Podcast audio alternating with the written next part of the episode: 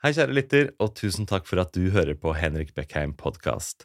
Denne podden er folkefinansiert, og om du har lyst til å støtte arbeidet med denne podden videre, så kan du vippse et valgfritt beløp til VIPS nummer 823278. Jeg setter stor pris på enhver støtte du har lyst til å gi. Tusen takk. Torkel, så hyggelig.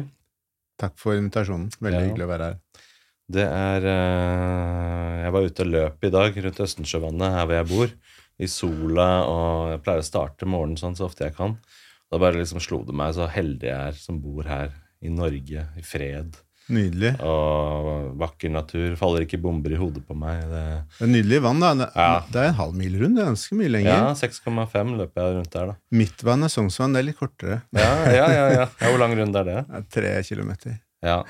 Pleier du å løpe rundt der ofte, eller? Jeg prøver det av og til, altså. Ja. Når jeg har tid. Ja. Det er deilig. Man må klare Man må liksom rense opp i hodet av og til Ja. med å være ute blant trærne i naturen. Jeg føler naturen gir så perspektiv. Veldig. Det er utrolig viktig. Og så det å være til stede her og nå, og så bare sette pris på at vi bor i et land med fred. Ja. At jeg ikke bor midt inne i Israel eller Palestina, eller det er Absolutt. sånn krig overalt rundt deg. Og, Ja, ja, vi er, vi er sinnssykt heldige, ikke sant. Så, så er det noe sånn eget norsk med det der at man har behov for den naturen innimellom òg. Jeg, Ja. tror- jeg tror det er noe spesielt. mm, ja, komme seg ut litt. Det er noe eget som skjer da når det er i naturen. Det er, jeg tror det er litt det med å ikke ha dekning nesten nå. At er, mobilen ikke funker, eller at du er vant til å legge den bort. og så slår du den av, og så er du bare akkurat der til stede. Jeg har jo to døtre, så jeg er veldig glad i å dra på sånne teltturer også. Og dra Ja. ut i naturen og være over til dagen etter. Og det blir liksom det umiddelbare, da. Ja. Du har liksom bålet ditt, du har maten, du har kaffen du skal varme opp, og ingenting annet betyr noe, fordi alt annet er så langt unna. Så Det er helt har fantastisk. Mm. Det er veldig, veldig bra. Ja. Gjør du også sånt, eller? Drar Jeg har vært altfor dårlig til det med telt. altså. Ja. En kone som er litt bedre med telt, men, Ja. men jeg har jo med, alltid hatt med barna ut i naturen. Men det blir mest dagsturer, altså. Av og til pølsegrilling, av, og til, av og til selvfølgelig termos og sånn, men det å sove ute har jeg vært for dårlig til. Men Så det, det bør jeg lære meg. Det er noe fint med det. ass. Å våkne opp til, av sola, på en måte. Våkner opp i lyset. Ikke og sant? Solsteika som står på teltduken. Og... Men eh, hvor gamle er barna dine? Nei, to av de er jo voksne, over Ok. 20. Ja, Så er det en minstemann som er blitt 15 akkurat. ja riktig. Nei, jeg har en på straks to år og en på åtte år. Så det barnehage, Jeg har vært nettopp og levert i barnehage nå. Og andre klasse, kanskje? Ja, tredje klasse. Tredje. Så det er uh, midt i det småbarnslivet. Men du, det har vel vært en uh, hektisk uke for deg, kan jeg tenke meg, med Israel og Palestina. Ja. Skulle vi sagt noe litt om bakgrunnen din først? Fordi du er professor, er det ikke, er det ikke sånn? Jo, jeg har nettopp eh, begynt i en helt ny jobb, faktisk, på noe som heter Menighetsfakultetet. Ja.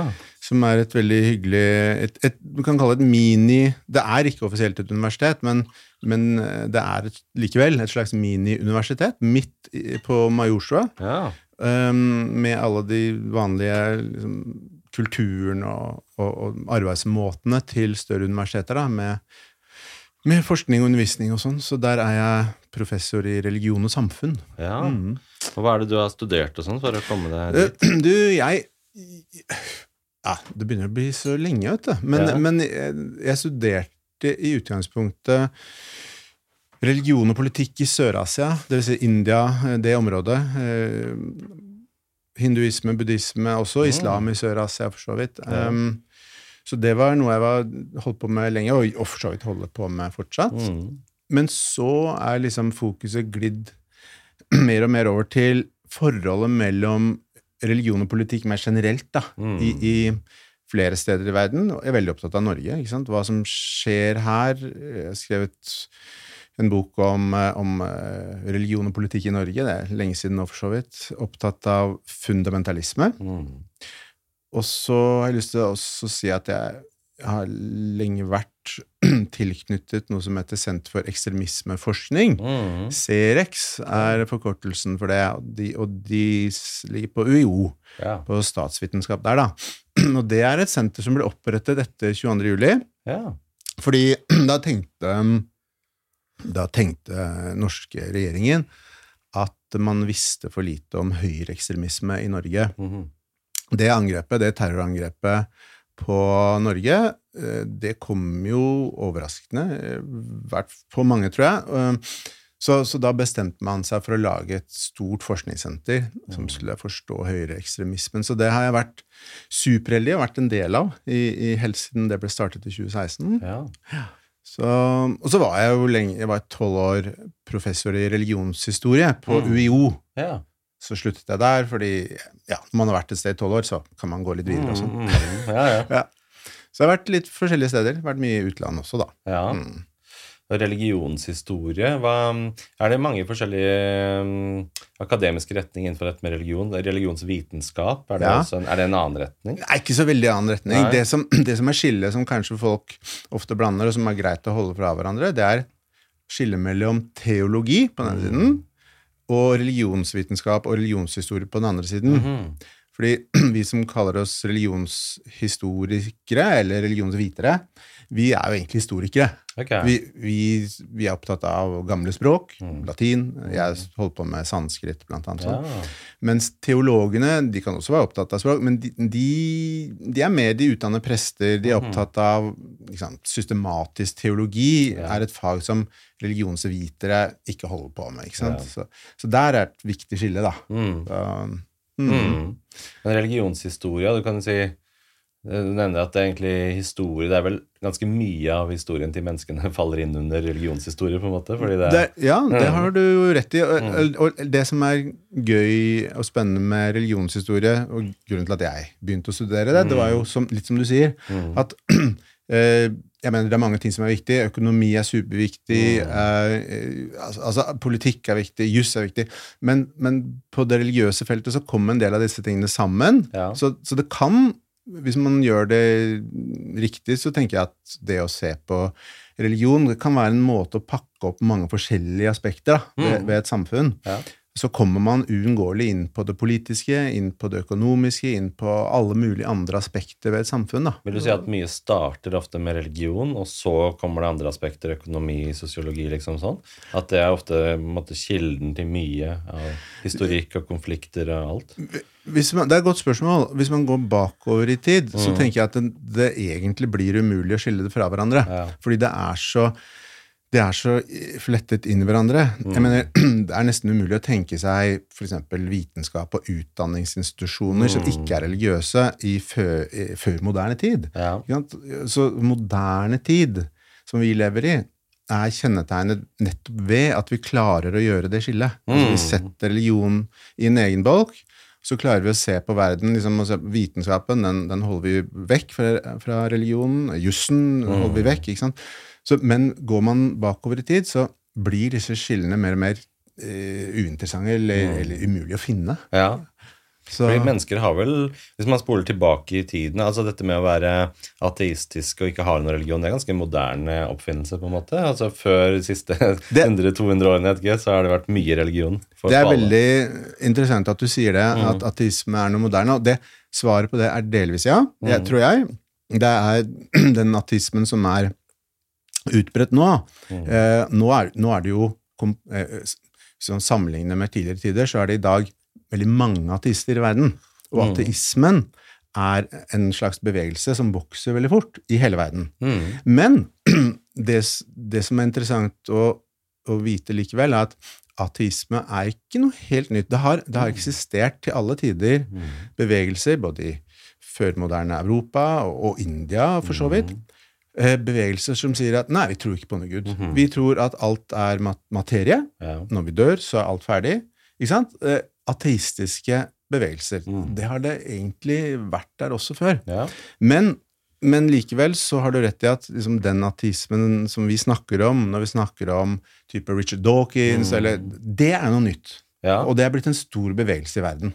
Da kan du si at det er forskjell på eh, nesten passiv-aktiv ateisme på den måten at det er én ting å si at eh, jeg, ikke, jeg går ikke inn aktivt for noe kristendom eller islam eller noe sånt. Jeg, jeg forholder meg ikke til det i det hele tatt. Versus det å si at vet du hva, det fins ingen gud i det hele tatt. Det er det jeg på. Det er nesten religion i seg selv å si Ja, sistnevnte. det, det, er- det, er et det er et bra og viktig skille du setter opp, og jeg vil ofte kalle det forskjellen på ateisme og kanskje agnost, en Ja. agnostisk posisjon. Mm. Eh, jeg ser ofte på meg selv som en slags agnostiker, Ja, jeg sier at det er så forferdelig mye man ikke kan vite Mm. om om verden, om, om, om livet. Eh, mens de som er veldig aktive, sånn som du sier, eh, sier at 'jeg vet at det ikke finnes noen Gud', og alt, og så videre, så videre. Det, det, det er de jeg vil kalle ateister i en streng forstand. Ja, ja. Religiøse ateister. Ja, av og til så kan de nesten bli litt religiøse også, og det er ikke noe galt med det, ja, men, men, men, men av og til, som du egentlig sier der, så kan det gi god mening å analysere ateismen som et slags eh, trossystem Ja, ved siden av andre Ja, for de har bestemt seg for visse aksiomer. De sier at nei, det fins ikke, men hvordan, kan ikke bevise det. Så det er bare noe du har bestemt deg for. Liksom et postulat. Du sier at det fins ikke, og så forholder vi oss til verden ut fra det. Ja. Det er litt sånn samme som religioner gjør, at Gud fins, sånn er det, og så bygger vi samfunnet ut fra det. Så det er jo egentlig det samme, bare på motsatt side.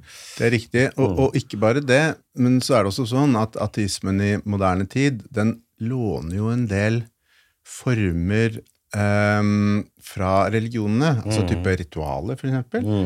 I, i kommunistblokken, så uh, Øst-Tyskland, Sovjet og så så utviklet man ateistiske ritualer som selvfølgelig lignet veldig på kristne ritualer. Eh, så, det, det, så, mm, så, så du har rett i det. Det kan bli en slags trosretning. Det, det er helt klart. Mm. Ja, det er så mye spennende vi må snakke om i dag. Altså, fordi det er nesten sånn, Hvordan skal vi angripe dette her? Hvordan skal vi ta det for oss med Israel og Palestina? Jeg lurer på om Kanskje vi skulle tatt det for oss kronologisk først? Ja. Og, og tegne opp et helt bilde av, av denne konflikten her. Altså, hvis vi går tilbake til så langt vi kan spole tilbake som gir noe mening, da. Eh, om det er, jeg vet ikke om det er 10 000 år eller noe sånt nå. Så, så lenge vi har noe evidens eller dokumentasjon eller noen skriftlige kilder eller noe historikk, på en måte. Og så om vi skulle prøve å liksom se på det, så Det går jo nesten ikke an å se på dette helt nøytralt, men i hvert fall um, om man skulle liksom tatt det så objektivt som vi klarer, da, for å prøve å tegne opp en sånn tidslinje for hva som har skjedd her, som vi vet på en måte har skjedd. Ja. Altså, Hvor langt tilbake skal vi da for å kunne starte? Det er jo et kjempespennende spørsmål i seg selv. Superinteressant spørsmål å snakke med kolleger og studenter om hvor langt tilbake må man for å, for å forklare noe i dag. Ja. Og jeg pleier å si som, som tommelfingerregel til studenter jo, man må tilbake til midten av 1800-tallet. Okay. ja, ja. det, det er litt flåsete når jeg sier det.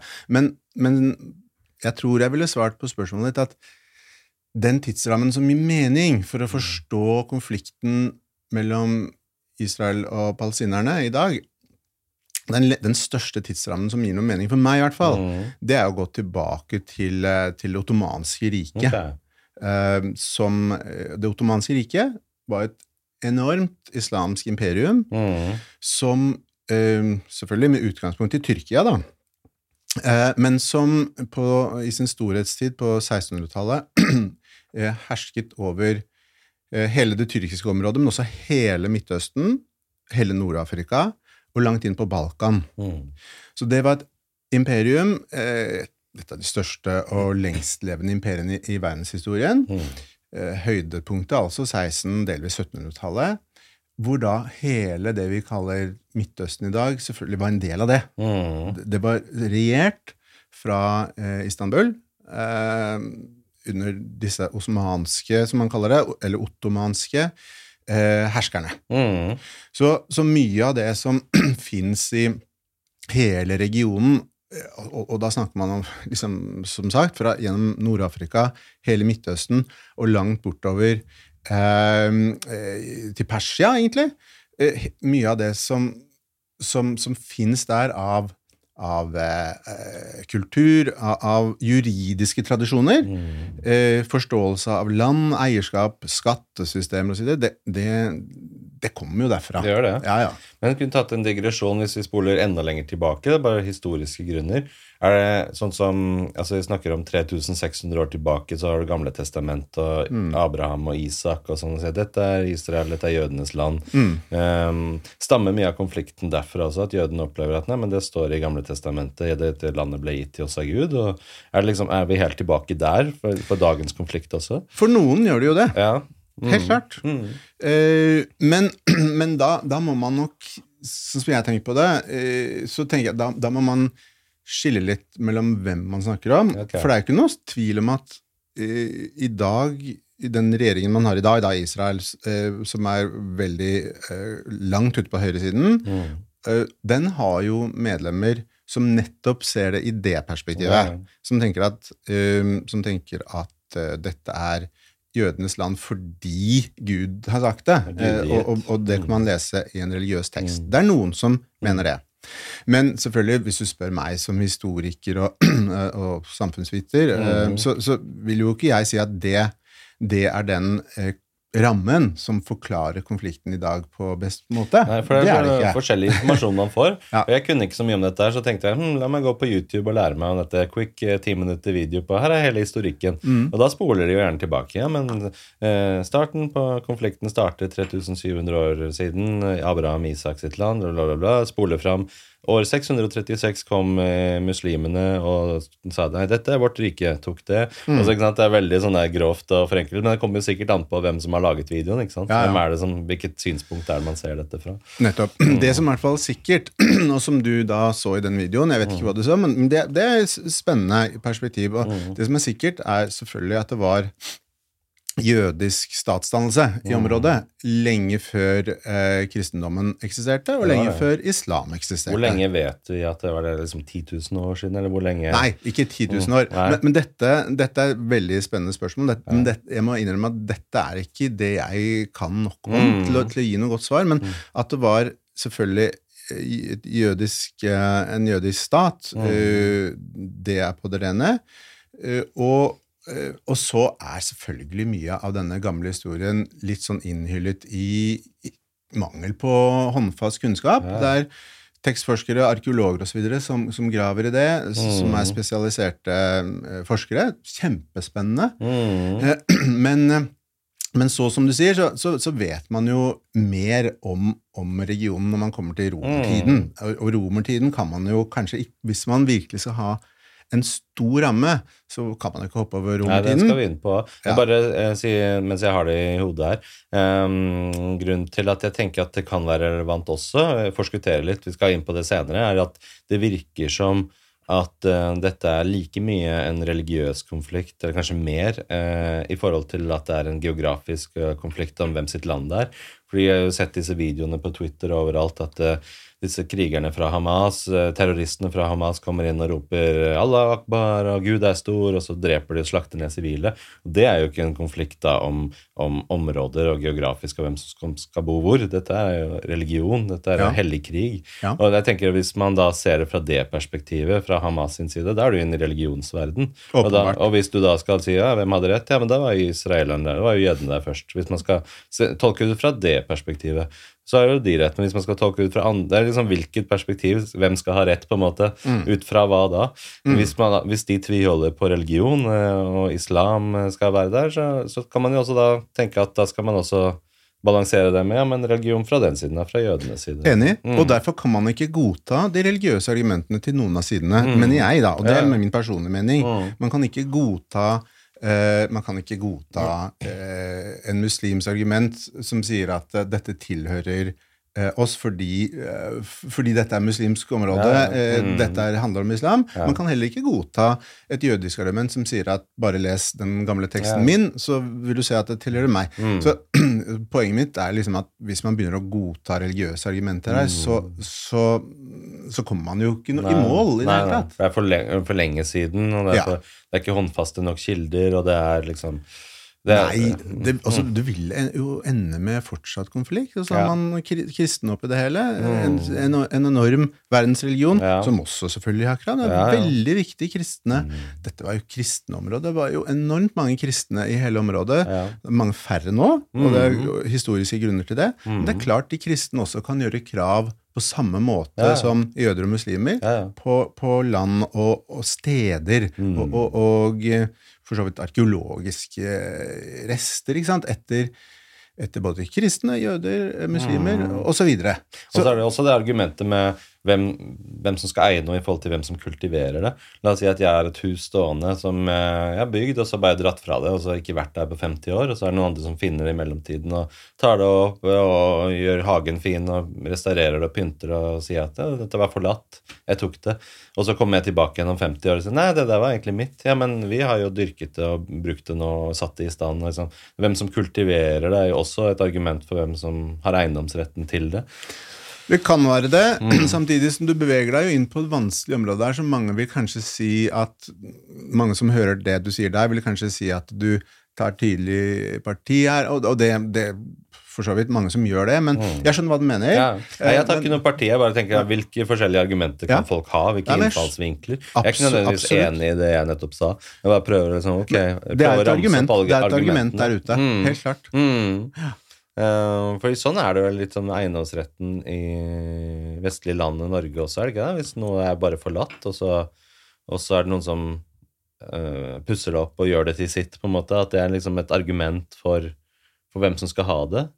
Jeg lurer på om det er litt sånn. At Det kan godt være. Da må du spørre en jurist. Ja, jeg skal spørre om for jeg mener jeg har lest det et eller annet sted. At det er Mhm. liksom, du kan ikke komme om 200 år og si at dette var egentlig mitt. Ja, men i mellomtiden så har det skjedd veldig mye. Ja. Eh, Det, det minner meg om et dilemma som filosofen, den veldig viktige filosofen Amartya Sen har satt opp. mm, Så hvis du skal avgjøre hvem er det som eier denne fløyten, mm, så, er, er, så så er det, liksom, det er tre barn som krangler om en fløyte. da. mm, Den ene, det ene barnet er den som lagde fløyten, spikket. ja, Det andre barnet er en veldig god fløytespiller som virkelig har glede av fløyten. ja.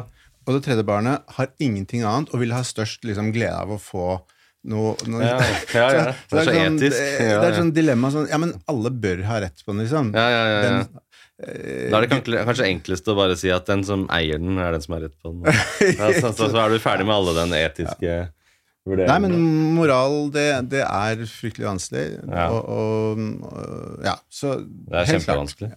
Um, men la oss ta, gå tilbake til tidslinjen vår Mm. igjen. eh, til den som du tenker gir mest mening. Ja. Da var det på det ottomanske riket. Ja, uh, jeg mener jo det, Fordi, fordi, fordi at um, når vi Og det er en gigantisk historie, Mm. som veldig spennende, selvfølgelig. Men, men jeg, jeg sa i stad litt flåsete at alt begynner på 1800-tallet. Og Mm.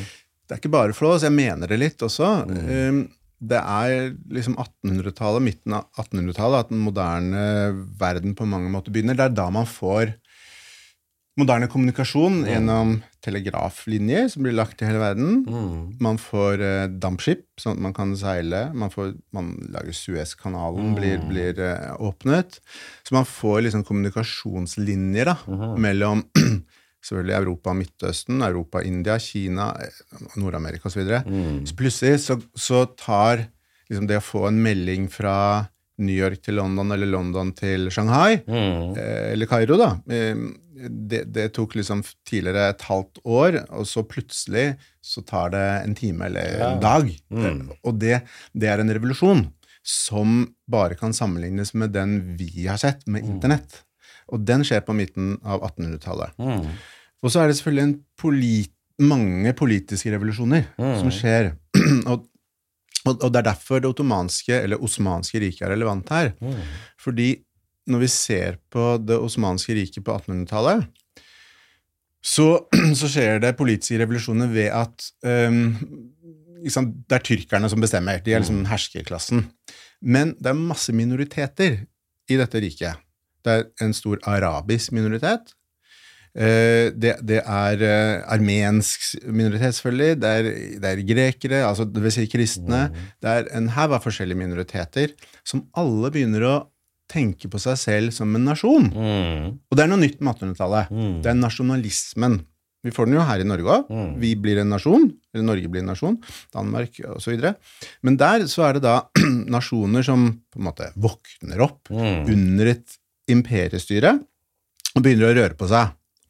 Og det fører til eh, en politisk krise i dette kjempeimperiet.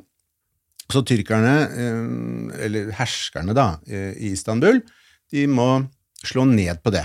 Prøve å holde disse eh, nasjonale bevegelsene blant alle disse minoritetene i sjakk, eller undertrykke dem, eller, og, og, og for så vidt det, En av de tingene som skjer, er jo eh, folkemord på de kristne i det vi i dag kaller Tyrkia.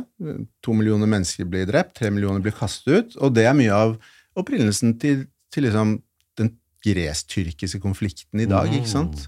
Eh, over en million mennesker ender opp i Hellas fordi de blir kastet ut av, av dette enorme riket, osv. Så, videre. så det er en enorm politisk krise med alle disse nasjonene som våkner til live. Og så, eh, samtidig, i Europa, så får man jo sionismen. Ja. Den, og den, den, den, den starter jo rett og slett som en nasjonalisme blant mange nasjonalismer. Mm. Eh, Den starter eh, ikke minst fordi eh, eh, jøder i, eh, i Øst-Europa, i det som var Tsar-Russland, de er under press. Det, det, det er store massakrer på jøder Mm. på slutten av 1800-tallet, begynnelsen av 1900-tallet. Hvorfor det, egentlig? Ja, det er stort og spennende spørsmål. Hvorfor er det så store massakrer på jøder i Tsar-Russland? Det er en dyp kristen antisemittisme, er selvfølgelig. Å ja. Enormt. Mm. Som, som Russland har, og som hele Europa har, Mm. selvfølgelig. Både det, det katolske og det protestantiske og det ortodokse Europa har en enorm antisemittisk arv. La oss gå inn i det med en gang. Hva er Ja. Hvorfor denne antisemittismen Hva er det antisemittismen stammer fra? Hva Mm. er det for noe? Hva er, hva er liksom selve kilden til det? Fantastisk spørsmål, Mm. og, og, og, og på mange måter ja, krever et svært svar. Det er, Ja, ja, det er skrevet det, det, er Nei, altså, man kan, man kan Man kan trekke det tilbake til, til tidlig kristentid, Mhm. helt åpenbart. Til, til romertiden, altså. Det, det er det mange som gjør. Jeg mener personlig at det mest relevante er å, å s- begynne med å se på middelalderen Mhm. hvor vi ser i det kristne Europa, i det vi da, i dag da kaller Tyskland, Frankrike, Italia osv., og, Mm. eh, og for så vidt Storbritannia, eh, at det er eh, veldig eh, Blant annet i forbindelse med kriser, da. Kriser som type svartedauden. Mm. Eh, og det er ikke bare svartedauden, men, men det har jo pestutbrudd mange ganger i, i middelalderens historie, og andre typer kriser. Så leter kristne samfunn etter en syndebukk. Og, og da er det ganske lett, fordi at jødene ofte er en synlig minoritet. Mhm. De er spesiell de, de bor ofte avsondret, Ja. eh, segregert. De har spesielle roller i samfunnet når det gjelder eh, arbeid, økonomi osv. Derfor er de en synlig minoritet, eh, og da er det lett å legge skyld på dem for, for kriser, som type sykdom. Hvorfor hadde de spesielle roller i samfunnet? Hva er det som gjorde at de hadde det? Nei, det, det er jo eh, Det er jo rett og slett fordi at um, de, de fikk bestemte roller bl.a. som pengeutlånere, altså i, i finans. eh, Fordi de, det var restriksjoner på en del andre ting de fikk lov til å gjøre. Hvorfor det? ja, hvorfor det? det, det du, spør, du spør veldig godt, og du spør om liksom, noe av liksom kjernen i hvordan kristenheten, kristne, den kristne verden, ser på ikke-kristne. Ja. Ikke sant? Og det er, det er store spørsmål, vanskelige spørsmål, men, men det er jo fordi eh, jødene blir sett på i, i kristendommen fra starten av som um, folket som liksom, forråder eh, Ja, Kristus. Eh, Riktig. og, og, og, Ja, for han som forrådte eh, Jesus, som var det? Judas? Sånn, Ja. han, var, han var jødisk? Ja, alle var jødiske. Ja, alle var jødiske. eh, selvfølgelig. Jesus selv var jo jødisk. Selvsagt. Men, men, men det er fra starten av kristendommen så Mm. blir jødene liksom det som representerer Mm. det ikke-kristne, eller liksom eh, det at man nekter å, å, å, å ta imot liksom den kristne sannheten Mhm. i, i Europa. Så de får denne rollen tidlig. Altså, de sto veldig opposisjonelle mot eh, kristendommen hele veien. At de ville ikke bli kristne, og de ville beholde sin jødedom. De, forsøkt, sånn. de har forsøkt, og de har klart å beholde eh, sin religion og sin tradisjon eh, gjennom århundrer, Mm. selv om de har alltid vært en veldig liten, liten minoritet. Nå var det Øst-Europa de ble en stor minoritet, Ja. Eh, men i Vest-Europa var de alltid en liten minoritet. Og, og historien om eh, religiøse minoriteter i Vest-Europa handler jo om det ene som vi snakket om i stad, det, er- det er overgrep, massakrer på Mm. jøder, men også eh, store prosesser hvor jøder ble utvist. Ja. Og, så nå, alle må flytte. ja, Vi hadde til og med lover i Norge, jødeparagrafen, Ja. så vi vil ikke ha Så- dem. Nettopp. Så dette angår også Norge. ikke sant? Ja. Så antisemittismen, som du, liksom, hvor kommer dette fra? Og spørsmålet ditt er kjempegodt. Og det er, sånn som jeg ser på det, så, så mener jeg at det, det er et slags virus eller en sykdom som ligger der i kristen tenkning i, i veldig lang tid, altså. De nektet å underkaste seg. Ja, de, de Politisk så hadde de jo aldri noe makt. Mm. Så, så, så underkastelse, hvis du mener politisk, så, så blir det på en måte kanskje Eller religiøst. Ja, religiøst. Mm, mm. så de hadde en egen rolle, de hadde en egen religion, de hadde egne tradisjoner, ritualer, Ja, ja. som de ville opprettholde. Mm. Eh, og i den kristne verden så viste det seg selvfølgelig å være farlig. Og så skal det selvfølgelig sies at veldig mange jøder så har konvertert til kristendommen for å slippe den forfølgelsen. da. Aha. Det var en av de store trendene i moderne tid. ikke sant? Har de konvertert da liksom på overflaten og så fortsatt å være jøder? Egentlig? Av og til. Ja, det det, absolutt. Mm. absolutt. Det, Mm. det er en strategi som er ganske vanlig. Ja. At folk konverterer til den dominerende religion, Ja, ja, enten det er kristendom eller islam. Men så har de noen ritualer på bakrommet som de gjemmer fra, Mm. fra, fra makthavere. Jeg syns det er så rart med religioner at det blir sånn at Det er alltid sånn at ja, du må Det er ikke nok at du selv er eh, kristen eller har en religion, du må liksom slakte ned andre sånn at de også skal ha samme religion som deg. på en måte. Altså, Ja. Hvorfor har man den derre alle må med, på en måte, og, og hvis ikke så må du utvises og bannlyses eller drepes, liksom. Hvorfor, hvorfor er det den derre absolutte totalitære tankegangen med en gang man har en religion? Det er et uh, godt spørsmål. Hvorfor blir det sånn? Uh, og det, det blir jo sånn i perioder, som du sier, både når vi ser på kristenhistorie og på islam.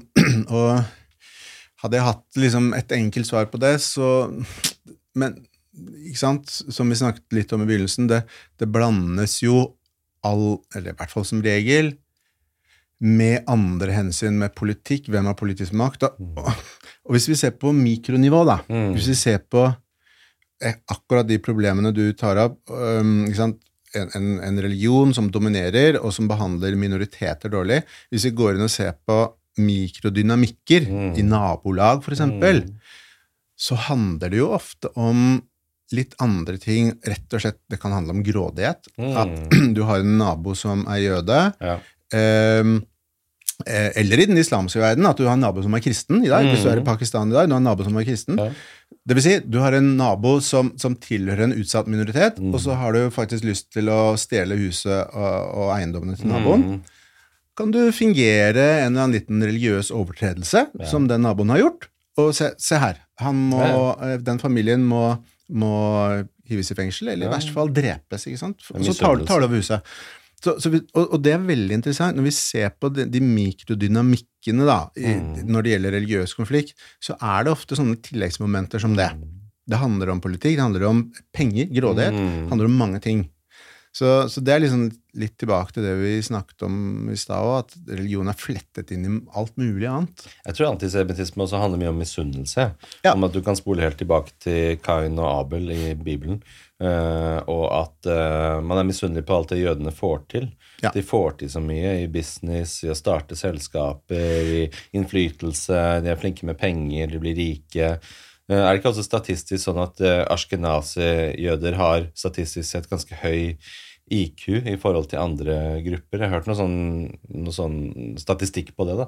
Eh, og at de derfor blir veldig flinke da, med intellektuelle ting, med mer abstrakte ting, med, med penger, med økonomi, med finans. Uh, Det, med- det med misunnelse er et interessant poeng da, eh, når det gjelder antisemittisme. Og Mm. noe av grunnen til at jeg syns det, det er at hvis vi ser på mange uh, mange religiøse bevegelser Mm. i, i den kristne verden, Mm.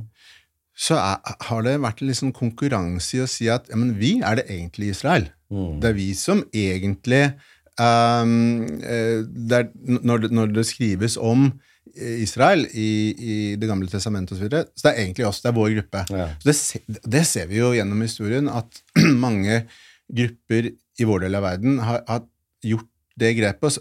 Og, og, og baksiden av det, da, eller undersiden av det, blir å si at de der som kaller seg jøder, de er, de er Hva heter det? Imposters? Altså, på, Mm, hva heter det på norsk? Altså, de, ja. de, er, de har tilrammet seg en rolle. Ja, de ja. utgir seg for å være, for å være jøder, men, men, men den rollen som Guds utvalgte folk, Mm. den er egentlig vi. ja, okay. Og den dynamikken, den ser vi helt opp til i dag. Vi, vi har eh, et eksempel på 1800-tallet, så oppstod det en, en, eh, en, en slags hva skal vi si, en slags kristen bevegelse, britisk israelisme, dypt rasistisk, antisemittisk, som sier akkurat det. Vi er det egentlig Israel, vi briter. Eh, jødene de, er, de utgir seg for å være noe som de ikke er. Eh, og, og, så den type bevegelser de blir automatisk politiske, Mm. og nesten automatisk også antisemittiske. da. Det, da. Så og det, og jeg bare tenk, kom til å tenke på det fordi du sa ordet misunnelse. Jeg, Mm. Der er det en slags eh, resonans, da. Jeg lurer på det, for jeg tenker liksom en sånn La oss si du har et nabolag, da. Det var et fint eksempel, egentlig. La oss si i det i nabolaget, den blokka, så bor det mange fattige folk som sliter med å få endene til å møtes, og de har mat, liksom, men så vidt, og de har ikke noe luksus, og så ser de noen trappeoppgangen ved siden av som er såkalt jøder, og de får til veldig mye, og de tjener seg gode penger, og de hadde samme utgangspunkt som oss, men de gjør det så mye bedre, og får seg fancy, dyr bil, og og liksom Hæ, hva er det dette er for noe? Hvorfor får de det til? Og så det blir en sånn, vokser en sånn misunnelse. da. Ja. Og så en sånn mistroiskhet. For, ja, de har sikkert karret det til seg på en eller annen måte. For det er vel sånn man eh, symboliserer jødene ofte, de som har antisemittiske holdninger med sånne der, eh, lange fingre og Det er klassisk. Eh, ja, det er klassisk, ikke sant? At de karrer til seg, at, de liksom, at det er en sånn mistroiskhet, misunnelse noe man, noe man ikke skjønner. Hvordan er det de får det til, og vi får det ikke til? Et eller annet sånt. Jeg, jeg tror du har helt rett. Mm. I mange tilfeller så, så er det en dynamikk. Og så skal man også huske på at hvis vi ser litt historisk tilbake til, til um, ja, både 1800-tallet og 1900-tallet, for så vidt, Mm. så er veldig mange av jødene som er synlige for europeere, de er jo fattige. Ja. For de kommer fra Øst-Europa, Mm. Eh, og de flykter eh, fra Tsar-Russland Mm. og antisemittismen, og de har egentlig ingenting. ja. Så kommer de til Vest-Europa, eller til USA, eller selvfølgelig til Palestina. Eh, og de, de er stort sett eh, veldig fattige. Så, sånn at, men, så, så på en måte så er det liksom Enten de er litt for rike eller litt for fattige, Ja, ja. så er det et problem. Det er et For det- det er rart, altså. Men hva, la oss definere hva er det å være jødisk? For det, det, er skjønt, det kan både være etnisk opphav, hvor du er fra, at du er askenazi-jøde eller sånn og sånn, eller så er det også kan defineres ut fra troen din, at du er- tilhører det mosaiske samfunnet, du, du, du, du har en jødisk tro, uh, går i synagoge og sånn. Mm. Er det innflettet med hverandre, eller kan du si at du er jøde uavhengig av de to, eller at du kan være en av dem, men ikke den andre? Eller, hvordan er det man tenker på når man sier at noen er jødisk, på en måte? Mm. Hva betyr det? Det kan bety veldig mange forskjellige ting. Mm. Men det jeg kanskje har lyst til å si til spørsmålet ditt, er at det er fullt mulig å konvertere til jødedommen. Ja, og da så- blir du jødisk. Ja, da blir du jødisk. Er det ikke et eller annet med det med at du på morslinjen at, det, at du arver det? Et Jo da. Ja. abs absolutt. Så du har liksom regler om det Ja. ifølge jødedommen selv, selvfølgelig. Eh, og, så, sånn at det er en veldig vanlig å tenke på det som noe man arver, en, en slags etnisitet. Selvfølgelig er det det. Mm. Eh, men, men jeg hadde også lyst til å si at det, det, man, man er ikke vant til å tenke på jødedommen som en religion, som, som, og det er ikke det er ikke en verdensreligion i samme forstand som buddhismen eller islam eller kristendommen.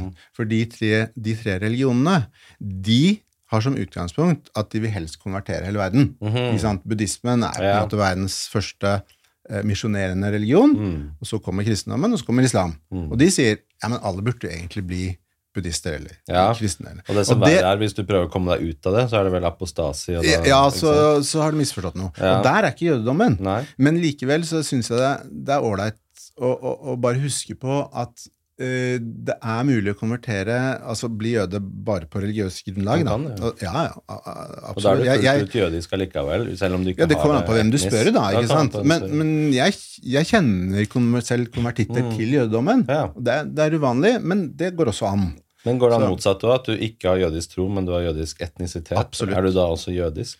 Ja, det vil jo de fleste si. Helt Mm. klart, ikke sant? Ja. Så um, det er supersammensatt. Mm, veldig. Mm. Eh, men hvorfor ble det sånn at i jødedommen så har du ikke den der misjonerende bevegelsen at du skal prøve å konvertere alle og sånn? Hvorfor har de andre det, og ikke i det jødiske?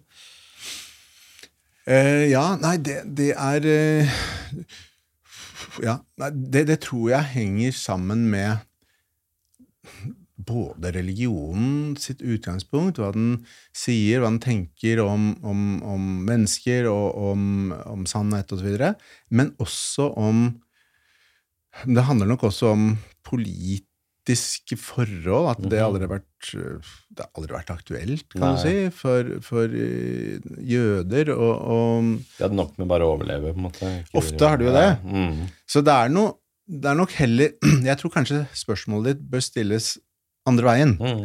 At de fleste religioner, de fleste religiøse tradisjoner, tilhører gjerne et folk, Ja. egentlig. Mm. Eh, sånn at spørs, det interessante spørsmålet er kanskje heller hva er det som er spesielt med da buddhismen, kristendommen og islam, Mm. som gjør at de, de oppstår, og så sier de alle folk tilhører vår religion, bør tilhøre vår religion. Mm. Eh, uavhengig av etnisitet og Ja. uavhengig av hudfarge osv. Det er det som er litt spesielt, og det er der kanskje nysgjerrigheten på en måte uh, bør kicke inn. fordi det vanlige er mer det at en religion tilhører en gruppe. Mm. Uh, sånn historisk er det Ja, mer For vanlig. å binde dem sammen med et felles mål og et, en felles tro. Ja, og det binder bundet sammen mot. med etnisitet Ja, og politisk samhold osv. Det er litt sånn vikingene, på en måte. De hadde jo masse forskjellige guder. helt og da liksom Det bandt vel dem sammen nå. At da, da måtte vi be til var det Thor og Odin og sånt for å få bedre lykke og få Mm. eh, bedre fangst. Og få, ikke sant? At Ja. hadde, liksom, det var eh, sammenflettet med samfunnet sitt, liksom. Helt At- klart. Ja, ja. Helt klart. Mm. Ja. Nei, så det, mm. Um, men jo, tilbake til tidslinjen. Det er Masse digresjoner. Men jeg har den der røde tråden vi skal Ja, tilbake til. Eh, Ottomanske riket. Yes, Eh, tilbake til det. Ja. Fordi vi, vi kom til å Hvis jeg husker riktig, så begynte digresjonen vår litt ved, ved at vi snakket om at det kommer en stor politisk krise i dette enorme imperiet, Mm. det osmanske riket, eller det ottomanske riket. Det kommer på midten av 1800-tallet. Og, og det handler om nasjonalismer som vokser fram. Um, og en av disse nasjonalismene er sionismen i Europa. Mm.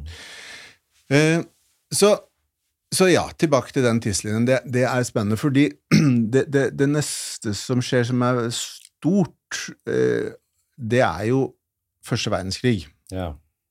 Og den må vi snakke litt om, hva som skjer da. Mm. Ja. Man må alltid snakke om den første Ja, verdenskrig. ja. Før vi snakker om første verdenskrig, så kan vi jo bare kanskje kort også snakke bitte lite grann om hva sionismen ja. til. Hva, og hva det er. Hva er Ja. Hvordan definerer du sionisme versus jødedom? på en måte?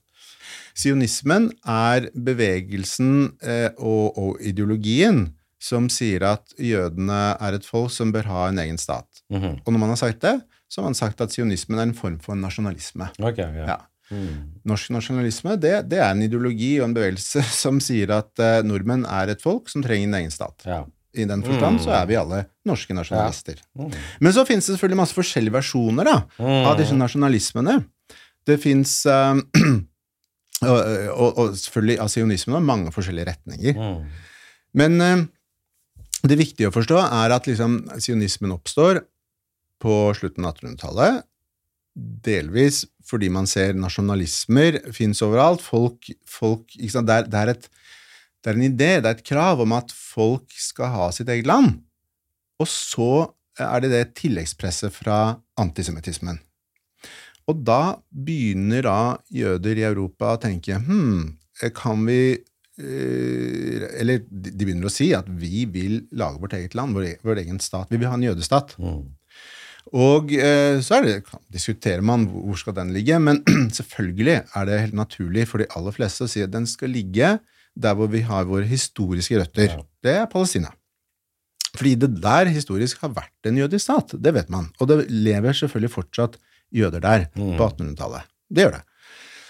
Eh, så, da, så da liksom eh, er liksom Da er liksom historien klar for, for at man begynner med jødisk innvandring til Palestina Mm. på slutten av 1800-tallet.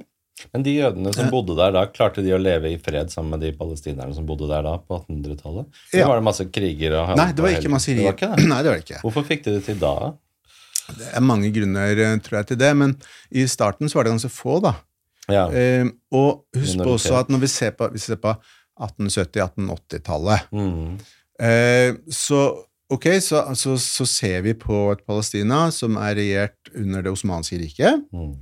eh, men hvor det også er mer og mer globalisering. altså Europeiske stater har mer og mer interesser. Det er, det er reisende som kommer, osv. Så, videre. så har man en lokal befolkning som er eh, Majoriteten er, eh, er muslimer, Mm. eh, arabere.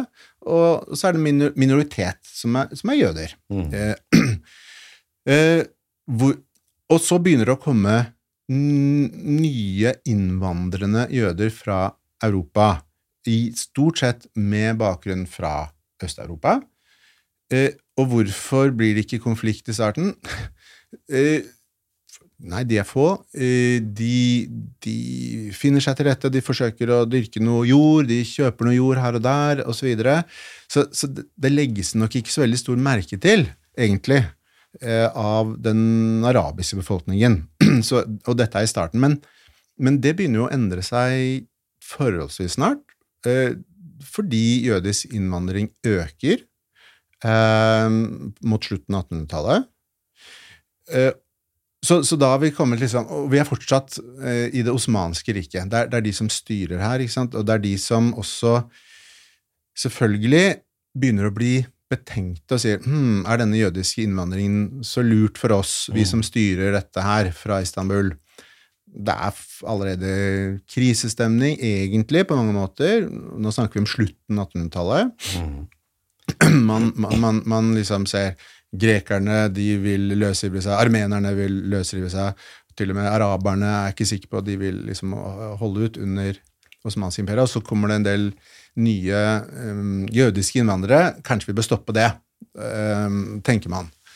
Og det, det forsøker man, men det er ikke så lett å stoppe det. For det er, det er et enormt imperium, det er havner, det er mulig å komme seg dit. Så jødisk innvandring fortsetter. Men så kommer vi liksom til første verdenskrig, da. Og da, og da er det jo øh, Og det som da skjer, det er jo at det osmanske riket går under. Eh, Det er et resultat av første verdenskrig. Det, altså, det største islamske imperiet som har eksistert, det bryter sammen og blir delt opp i masse biter. Hvorfor blir det det som følge av første verdenskrig? Hva er det som skjedde som gjør at det går under? Nei, Det er fordi at uh, Storbritannia og Frankrike vinner krigen og, uh, og sier at uh, se her, Midtøsten er interessant for oss. Mhm. Eh, og den berømte liksom, hemmelige Sykes-Picot-avtalen mellom Frankrike og Storbritannia om hvordan de skal dele Midtøsten, eh, kommer på plass. Uh, og og britene er jo en imperiemakt Mm. som syns Midtøsten er kjempespennende. Det har de alltid syntes. Eh, fra, fra gammel britisk, imperialisme også, noe vi bør snakke litt om her. Fordi Midtøsten har alltid vært kjempeviktig for britene. Eh, India var enda mer viktig, Mm. men man kunne ikke kontrollere India uten å kontrollere, kontrollere Midtøsten. I hvert fall ikke før Suezkanalen, altså på midten av 1800-tallet. Mm. Så Midtøsten var veldig viktig.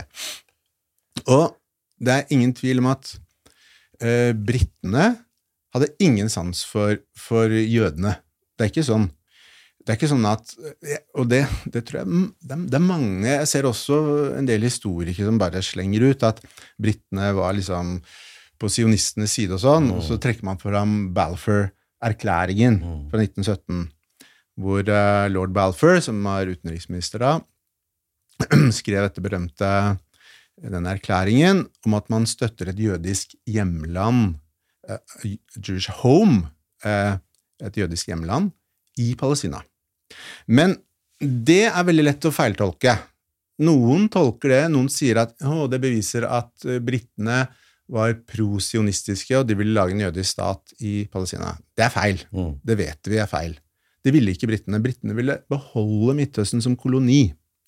Og så ville de bruke sionistene som en liten skrue i et stort imperialistisk maskineri for å få til det. Mhm. Mm.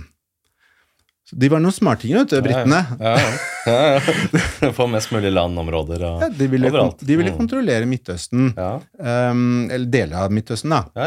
Så, de, så de hadde dette som man kaller mandatområdet, da. ja. Um, som Og og de, de Hvis man ser på Storbritannia rett etter første verdenskrig, Mm. så er det ingen i Storbritannia som tenker at oh, imperietiden er over. Det, det tenker man ikke. Nei. Nei, nei. Man tenker at imperiet, det britiske imperiet det skal vare 500 år til. Ja, man tenker det. Ja, ja, ja. De har så store planer òg. Helt klart. De gjør det. Det ja. tenker man i, Mm. i London. Mm. Dette er ikke på vei til å, å ta slutt. Ja. Nei, nei. Og Midtøsten er en nøkkel i, i den forståelsen av et britisk imperium som bare skal fortsette. Hva slags holdning hadde britene til jøder? Hadde de også sånne lover at eh, jøder ikke får entre riket, og litt sånn type greier sånn som Norge har hatt? Eller hvordan, hvordan forholdt de seg til jøder i, i, i seg selv? Da tenker du på Storbritannia. Mm.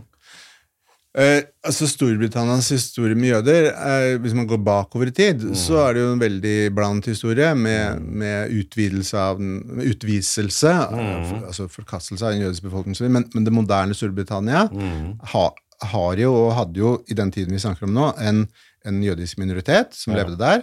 Og samtidig så, så var Stor, Storbritannia i likhet med Frankrike, med Tyskland, med mange land. Det Mm. var mye antisemittisme. Ja. Også mm, blant politikere på Ja. regjeringsnivå osv. Så, ja, ja. Mm. så det var ikke noe sånn sympati Mhm. med, med jøder generelt i Storbritannia. På ingen måte. Nei. Og det er helt, også helt klart når vi ser den perioden vi snakker om nå, første verdenskrig. Mhm. Det var ikke noe sympati med verken jøder generelt eller sionister spesielt, Nei. som gjorde at britene lot eh, eh, åpnet opp for, no, for innvandring, da. Mm. En liten digresjon på det, for det er mye sånn tydelig antisemittisme opp gjennom historien. Virker det som, og mange som på en måte har veldig fokus på det, det antisemittiske. Mm. Men var det, er det på en måte unikt for jødene, eller gjaldt det altså andre små minoriteter? Jeg tenker på sånn som sigøynere, og det er masse andre på en måte forhatte, eller ikke sånn engang, men Mm. forhatte Mm. eh, folkegrupper og etniske minoriteter. Gjaldt det dem også, eller var det noe unikt med akkurat eh, jødene som gruppe? Hva, hva, hva, spørs, hva er spørsmålet? Spørsmålet er altså, liksom hva, om- hva, om hva, hva gjaldt? Ja, om liksom, antisemittismen er jo veldig tydelig, Ja. men var det også en sånn type eh, negativ holdning til andre minoritetsgrupper enn en jødene? Eller, eller skiller jødene seg veldig ut i forhold til å få veldig mye hat og antisemittisme mot seg? Mm. I forhold til om gjaldt alltid liksom også sigøynere fikk masse hat, og ville, ingen som ville ha noe med dem å gjøre? Mm. Var det på en måte likt, liksom, eller er det noe veldig spesielt med, med den jødiske grupperingen? Mm.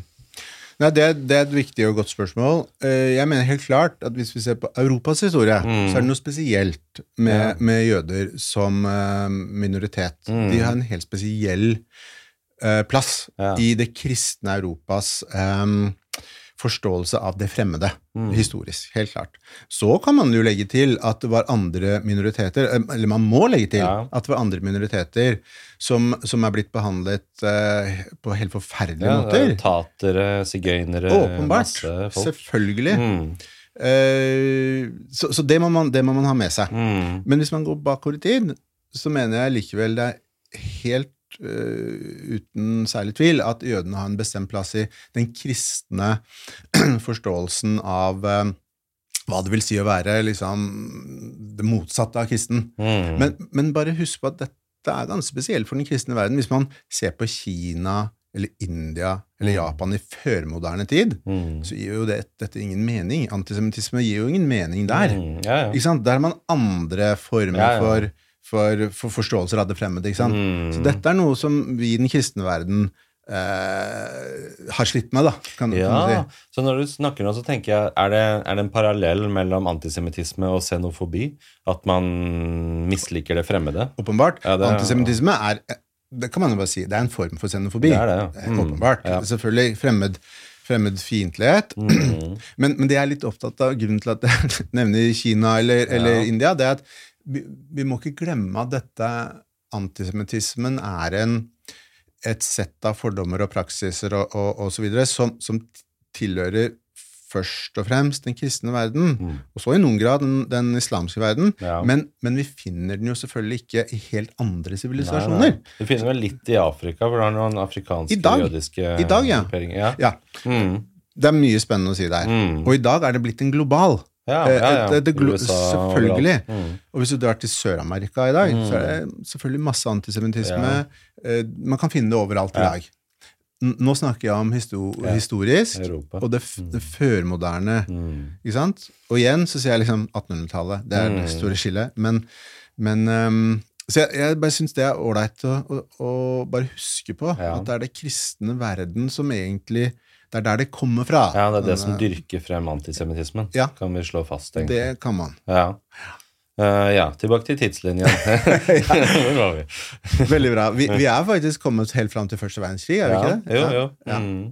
Og, ehm, og liksom det som skjer da, som jeg nevnte, det er jo at britene og franskmennene Mm. kommer seirende ut av det, og de deler det som eh, Ja, det som altså, ikke sant? Under det osmanske riket så var dette Palestina, som vi kaller Palestina i dag, Mm. det var jo Det hadde ikke klare grenser. Mhm. Eh, det, det var eh, sant, Dette var provins, en provins. eh, det var, det, dette var Altså, måten å styre et, et imperium på Mm. er jo også litt annerledes enn en moderne stat. Eh, imperier styres jo ofte indirekte ved at man utpeker altså, en guvernør eller et eller annet sånt. Så, ok, du kan kreve inn skatter der, så må du betale en del til senteret, om det er Istanbul eller om det er London eller hva det nå er. Det varierer. Men et imperium er jo ofte mer indirekte og diff diffust i hvordan det styrer sine provinser, sine regioner. Og det er ofte liksom mindre klare grenser, ikke sant? Både når det gjelder imperiet, men også når det gjelder den interne inndelingen.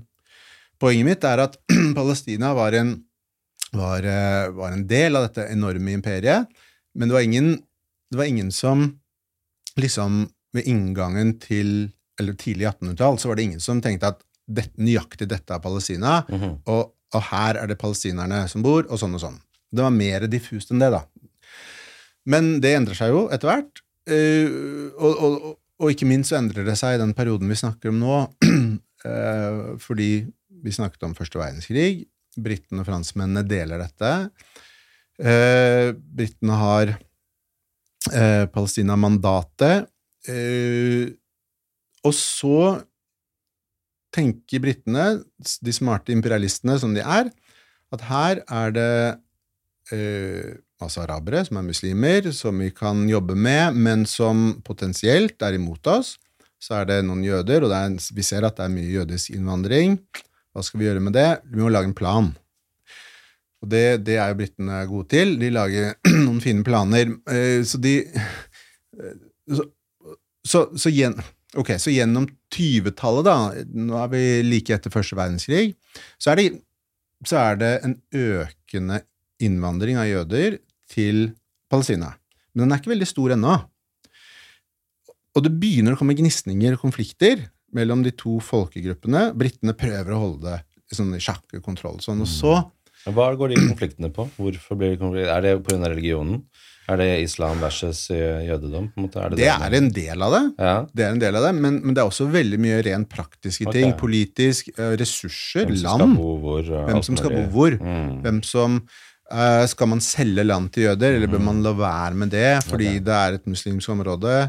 Uh, så det handler om helt konkrete ressurser også. Ja. Men det religiøse er aldri borte fra denne konflikten. Det mener jeg er veldig bestemt. Mm. Men, men så har man vel, et veldig klart skille når man kommer til starten av 30-tallet. Fordi da begynner ting i Europa å bli virkelig vanskelig for jødene. I 33 så får Hitler makten ikke sant, til Tyskland. Så tidlig 30-tall så øker innvandringen til Palestina kraftig, altså den jødiske. Mm. Og britene begynner å få sånn, uh, pa litt panikk.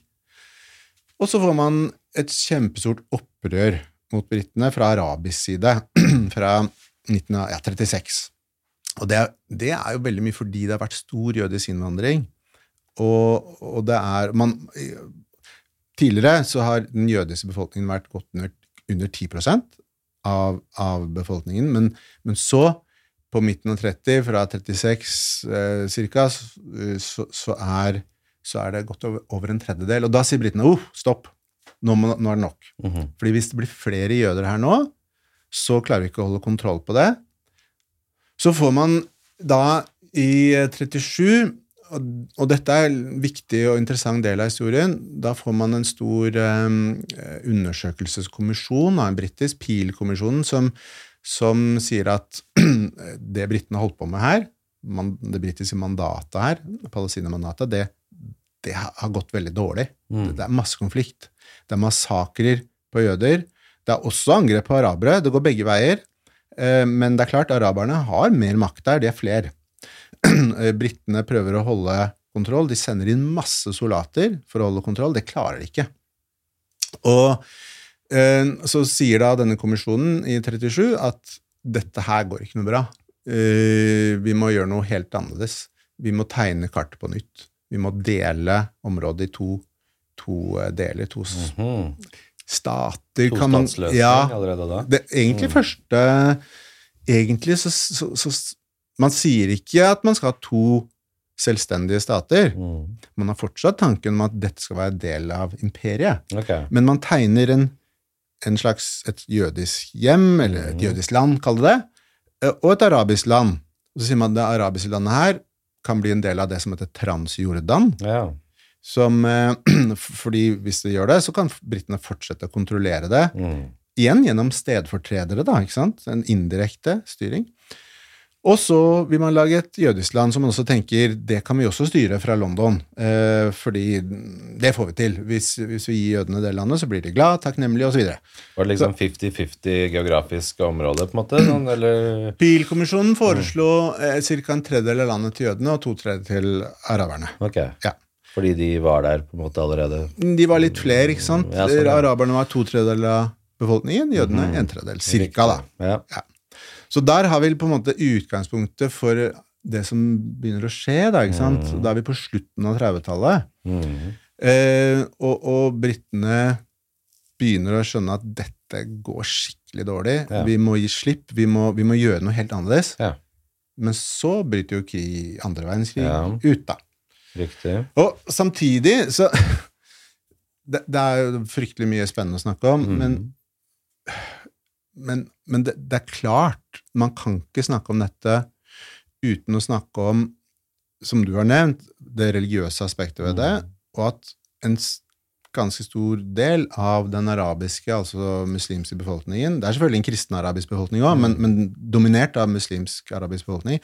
En stor del av den har veldig store problemer med, med jøder, som, som, altså fra et religiøst ståsted, og at eh, det palestinske lederskapet eh, fra midten av 30-tallet, sånn røftlig, og innover i andre verdenskrig, egentlig har veldig nære bånd til Nazi-Tyskland.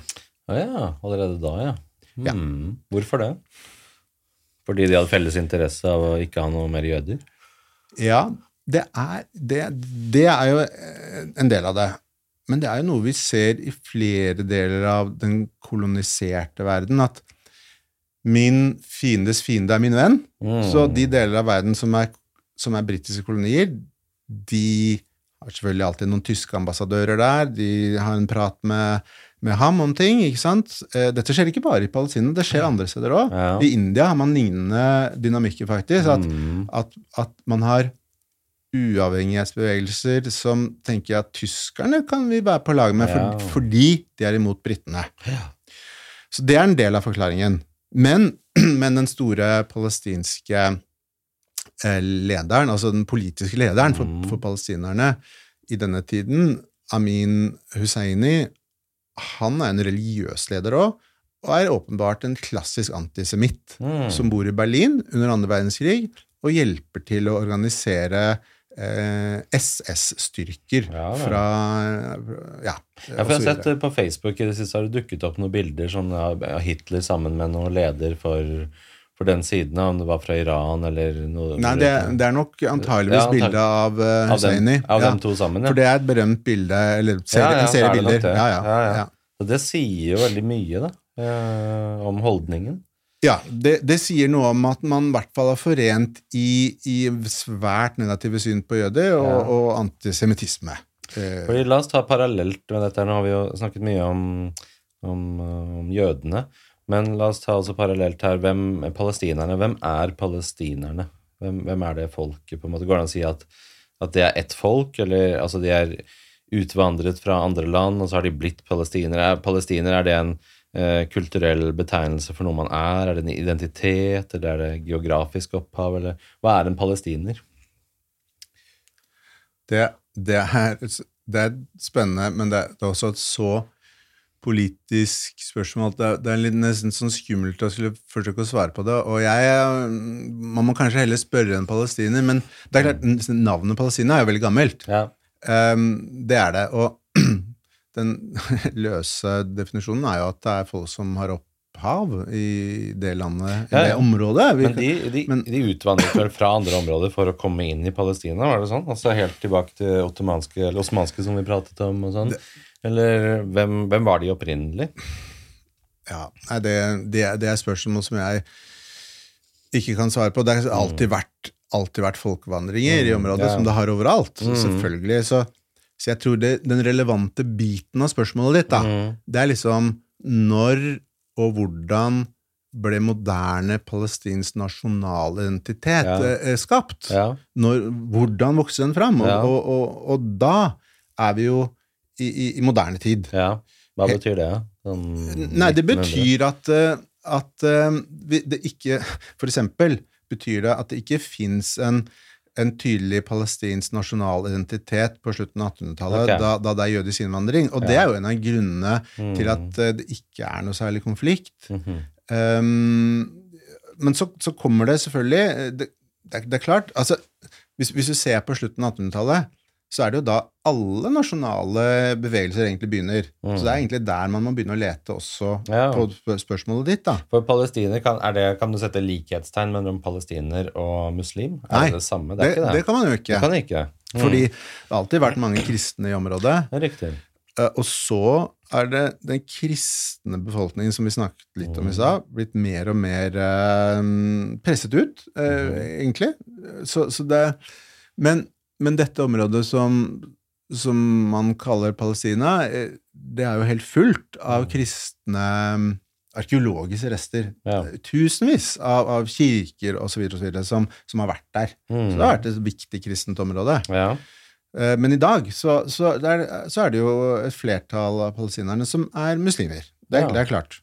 For det ble jo en veldig bevegelse. Vi forskutterer litt når vi skal tilbake til tidslinjen, men bare mens jeg kommer på det. Mm. Altså at folk begynner å gå med det som heter palestinaskjerf og sånn. at du, Ja. Det blir jo liksom en kulturell bevegelse. Da er vi på like 60-tallet. Ja, ikke sant? Da er vi på Mm, 60-tallet. Så sant? forskuttere, men Da er vi, da har vi gått etter andre verdenskrig. Ja, men det, er bare liksom, det bringer masse sånn symbolikk og, og identitet og sånn med seg. Enormt. Ja, ja, ja. Enormt. I dag gjør det det. Enormt. Ja. Eh, men, men det er en mye senere historie, Mm. da. Men det er klart, palestinsk nasjonalidentitet eh, er der for fullt. Når, Ja. når vi ser på 1930-tallet, for eksempel. Ja. Eh, det er klart. Og, og, og, og den tar forskjellige retninger, og, Ja, ja. så videre. Vi må tilbake til tidslinjen. Hvor var vi? Eh, Starten før andre verdenskrig. Og, du har lederen for Palestina sammen med Hitler og dette berømte bildet. som Mm. eh, De sitter sammen der, og han er egentlig hjalp SS-styrken og sånt. Ja, og det er et veldig touchy tema som du kan tenke deg. Og det er Hvis man leser folk skrive om det, så er det ofte liksom man sier ja, det, det er bare en fotnote, det var en feil som palestinerne begikk, som de Mhm. Ikke burde gjort, men, men det betyr egentlig ingenting. Mhm. Så det kan man diskutere. ikke sant? Ja. Hvor stor betydning hadde det for palestinsk politisk kultur generelt? Jeg tør ikke å, å liksom sette noe sånn karakter på det, men, men du vil finne forskjellige svar. Noen, okay. noen, vil, noen vil bagatellisere det og si Mm. betydde ingenting. Det er feil. Ja, ja. Det betydde noe. Mm. Og noen vil si at uh, det betydde masse. Mm. Uh, så kanskje sannheten er midt imellom, da. Mm. Hadde Hitler noen, noen rolle i Palestina? liksom? Hjalp han til noe der? liksom? Nei, han syntes ikke det var så veldig interessant. Han, Nei. han syntes ikke araberne var akkurat den mennesketypen han eh, satte høyest. Riktig, ja, ja. Bokstavelig talt. Han hadde jo en liste over hvem som skulle være høyest. Absolutt. Men han så på det som en mulig, mulig alliert mot britene. ikke sant? Det var et globalt puslespill av okay. allierte og sånn. Ja, ja. Riktig. Så ja, tilbake til tidslinjen. Da er vi liksom rett før andre verdenskrig bryter ut. Ja. Hva skjer videre da? Nei, det som skjer, er jo at eh, man har hatt økende Igjen, det er Storbritannias rolle som er kanskje viktigst. da. Man har hatt økende, som jeg sa, økende jødisk innvandring Mm. til Palestina fram til jødene utgjør over en tredjedel av Ja. befolkningen. Og da har man kommet til et punkt hvor britene syns at det er ja, hvor, de, hvor de ikke får til ting politisk lenger, og de, eh, de må gjøre noe annerledes. Og vi nevnte denne Peel-kommisjonen eh, og ideen om to land, som fortsatt er deler av det britiske imperiet. da. Men så kommer eh, andre verdenskrig, og ting blir selvfølgelig slått om kull på helt nye måter. da. Eh, og det er, det er en lang historie, men, men for vår tidslinje så er jo det viktige der, det er jo eh, ja, Altså, man kommer jo ikke utenom holocaust. Ja, ja. Selvfølgelig. Eh, altså ødeleggelsen av europeiske jøder. Seks millioner jøder blir myrdet. Og i kjølvannet av det, ikke sant, eh, etter krigen, i 1945, eh, så blir jo eh, verdenskartet tegnet på nytt. Og en av, en av eh, de nye, eller, eller en av drivkreftene, det er jo at eh, det blir fart i ideen om en eh, jødisk stat. Ja det, man, kunne, man kunne flette inn all verdens detaljer, men, men for å gjøre det helt kort I 1947 så bestemmer FNs generalforsamling at Palestina skal deles i to stater. Og hvorfor bestemmer de det? Var det unisont der, eller var det mye dissens? Det var, det var ja, veldig godt spørsmål. Det, helt unisont var det ikke. Mm. Det var masse Det var masse lobbyvirksomhet det var det, ja. Fra Ja. hvem da? fra sionistene, selvfølgelig, Mm. fra jødene. Ja. Mindre lobbyvirksomhet fra, fra palestinerne. Mm. De um, Lobbyvirksomhet overfor mange land. Mm. Et sett av land, som blant annet Norge og mange vestlige land, de, de stemte nesten selvsagt for Mm. uh, delingsplanen, Mm. og de, de stemte for. Men så er det liksom med andre sett av land hvor det var mer tvil, da. Kommunistblokken stemte for, Ja. Sovjet, ikke sant? Uh, men så er det mange land som var usikre, og mye av lobbyvirksomheten var overfor dem, da, ikke sant? Prøve å få dem til å stemme. uh, jødene vil jo da, eller sionistene vil jo da ha dem til å stemme for delingsplanen. Eh, og det, det klarte man, men det var jo også selvfølgelig mange land som, en god del land som stemte mot, da. Hvem var det? Nå- Mange araberland, en del land i den tredje verden, som han, som han Men selve kaller delingsplanen, var det mye om og men rundt den? Var det mange forskjellige ulike utkast til ideer og forslag om hvordan kan vi løse dette her? Eller var det liksom den planen der med en gang, og så var den mer på bordet, at stemmer vi for eller imot? Eller var det på en måte før det, da, før den planen kom, var det mye samarbeid om ulike ideer og brainstorming, liksom? Hva, hvordan skal vi løse dette? Hva var Ja. de ulike ideene? Det var eh, blant annet en stor undersøkelseskommisjon nedsatt av FN som reiste i området og forsøkte å få oversikt over situasjonen. Så, så det var selvfølgelig mye diskusjon om, om det, om akkurat hvordan den skulle se ut.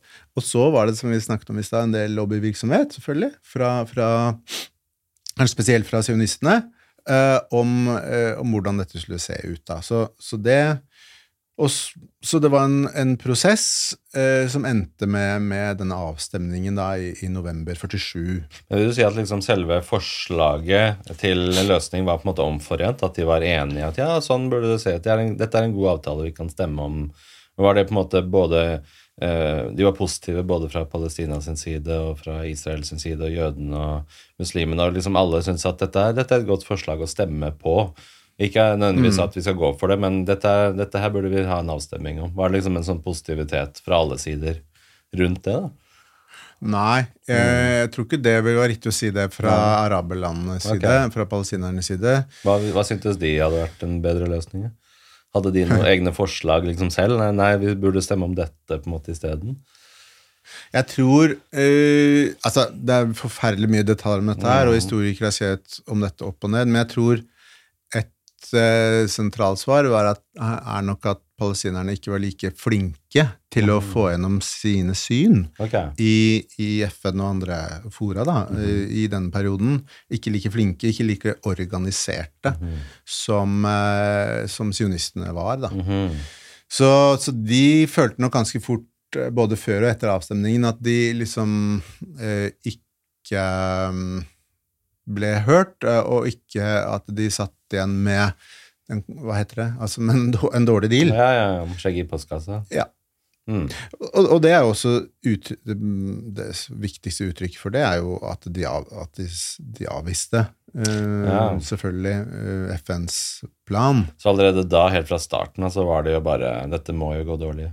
Ja. Fordi de avviste jo løsningen. Og det gikk veldig dårlig. Det ble, Ja, ja. det ble, det ble krig. Ja, ja. Araberne i Palestina gikk jo til det var, Om man kan kalle det borgerkrig eller ikke, vet jeg ikke helt, men, men, for det var jo ikke kanskje Altså men, men la oss kalle det en borgerkrig, da, mellom, mellom eh, palestinere og jøder i, fra eh, liksom, 47, våren 48, som Ja. et resultat av at palestinerne ikke godtok denne eh, resolusjonen, da. For da man tenke bare sånn objektivt sett, liksom avtalemessig, så er jo det en dårlig avtale hvis den ene parten med en gang føler at dette er en dårlig avtale. Ja, det er ikke noe jeg kan si. gå med på. Så si. bare sånn, Uavhengig av hva det handler om, så er det en dårlig avtale. Altså, Ja. Begge parter burde gå derfra og tenke at dette er noe vi skal samarbeide om. Ja. Eh, Og det er det mange som har sagt det du sier der, og det, det, det, er, det er absolutt et, et, et, interessant argument, at Mm. eh, gitt at eh, palestinerne ikke tenkte at dette hadde, var en meningsfull avtale, og gitt at det ble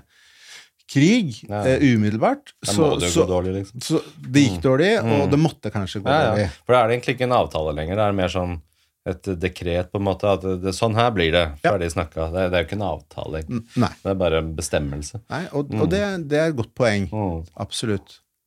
Men så ble det likevel en israelsk stat da, i, i Mm. 48, Ja. som vi vet. Og, og derfra så, så skjer det jo mye. Og hva Ja, skal vi ta en pause imens før vi går videre på det? Så jeg fyller på litt mer kaffe og litt vann. Det kan vi gjøre. Ja.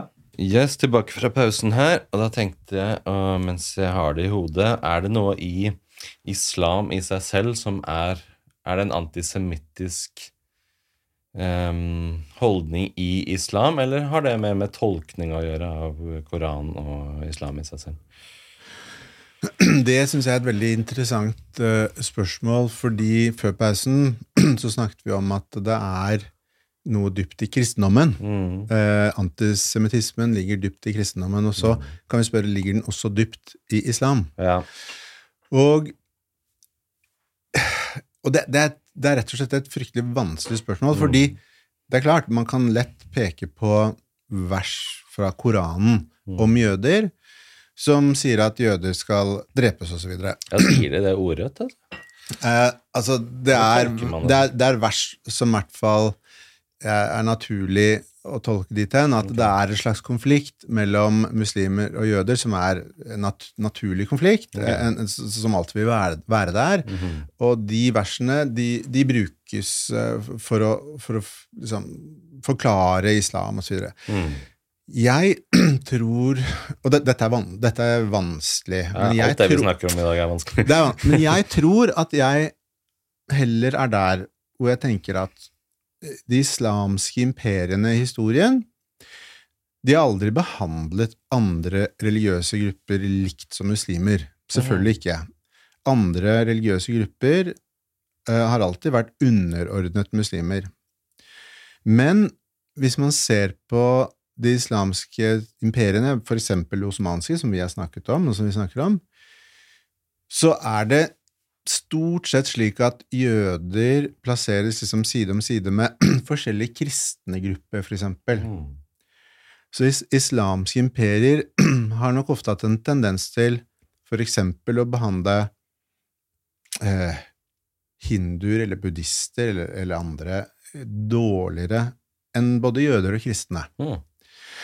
Eh, og grunnen til at jeg sier det, det er at skal, Kan man kalle det antisemittisme når en islamsk statsdannelse, et islamsk imperium, liksom plasserer alle religioner under islam, Mm. som de alltid har gjort, um, men ikke se på jøder som noe sånn spesielt uh, fæle, eller, eller- ikke utsette jøder I hvert fall ikke i, De diskriminerer ikke jøder noe hardere enn de diskriminerer en rekke kristne minoriteter. Okay. Mm. Og det, det er grunnen til at jeg nok vil si at i hvert fall en stor del av den antisemittismen vi finner i islam i dag, for den er der, og den er ganske betydelig, Antisemittismen er betydelig i muslimske befolkninger i dag globalt.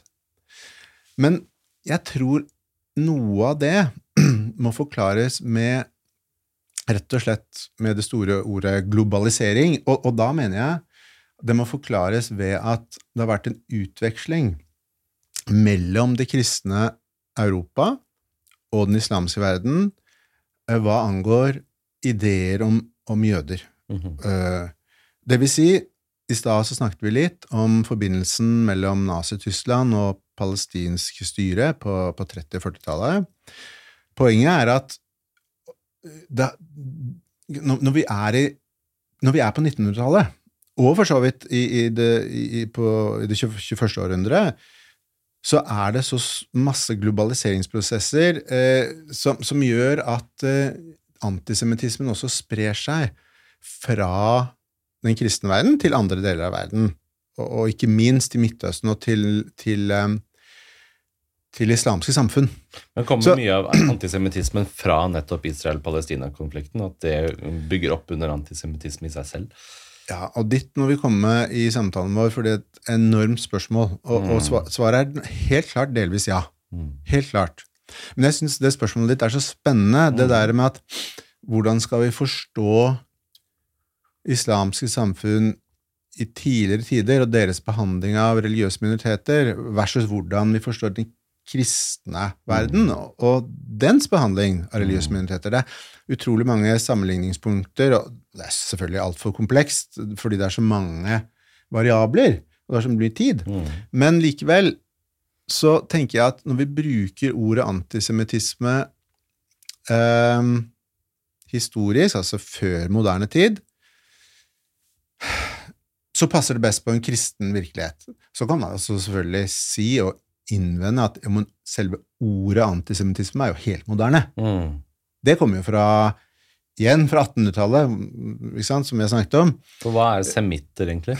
Antisemitter? Det, det er jo egentlig et rart ord, fordi semittisk, semittisk er en betegnelse på en gruppe språk okay. som språkvitere eh, fant opp igjen på 1800-tallet. Man tenker, ok, eller man kan antageligvis, lingvistene kan man kanskje gå enda lenger tilbake, da, men poenget er at man, man ser sant, veldig mye av vår forståelse av folkegrupper handler om språk. Så når man ser på Midtøsten, så identifiserer man en gruppe med språk som man kaller semittiske språk. Her er både arabisk og, og hebraisk. Mhm. Det er semittiske språk. Eh, sånn at eh, Semittisk er et fag på universitetet i dag. Semittiske språk. Ja.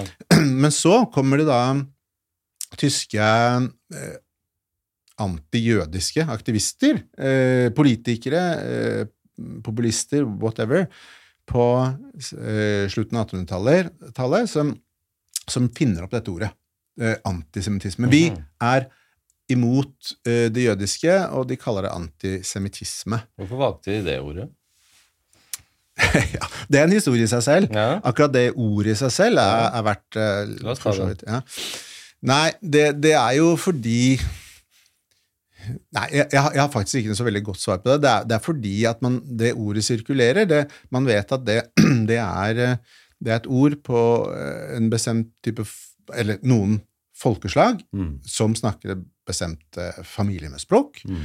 Eh, og, og, og spesielt så er det selvfølgelig fordi at det, det er liksom det motsatte av våre språk, som ikke er semittiske, Mm. men som er eh? Vi snakker Germanske, eh, germanske språk, det vil si Mm. indoeuropeiske språk. Mm. Uh, Indogermansk Det er masse forskjellige ord på dette, men vi snakker germanske språk. Ja, ja.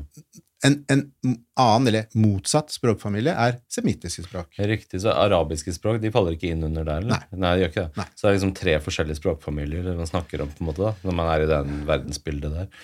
Eh, Ja, eh, det, Mm. I det verdensbildet som vi snakker om nå, så er det spesielt to. ikke sant? Og nøkkelordet, det fæle ordet bak her, er jo arisk. Ja, ja. Fordi, Og det var jo tradisjonelt bare et vitenskapelig ord. Mm. Man snakker gjerne eh, Da jeg studerte språk i, gamle dager på Blindern, så, så er det fortsatt masse pensumbøker som snakker om indoariske språk. det. Ja, ja, ja.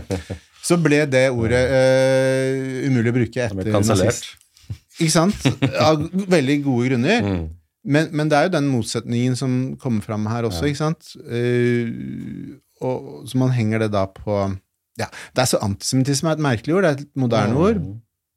Um, så så det, det, det, det var en interessant digresjon, men, Ja. men liksom, vi, vi begynte å snakke om hva, hvordan skal vi forstå antijødiske eller antisemittiske holdninger Ja. blant muslimer. ikke sant? Er det ikke egentlig bedre å kalle en spade for en spade og si antijødisk? Det, Det liksom- det kan man gjøre. For Det blir, sånn der, det blir så abstrakt Jo. etter hvert. Når Jo. man sier semitter, hva betyr det egentlig? Ja, jeg, jeg sånn, tror du har rett, for jeg mm. tror det er viktig å ikke gi, gi ord en sånn magisk Ja. eh, status. Det blir så intellektualisert. Da. Ja. Det blir liksom ikke håndfast lenger. Jeg er enig i det. Mm.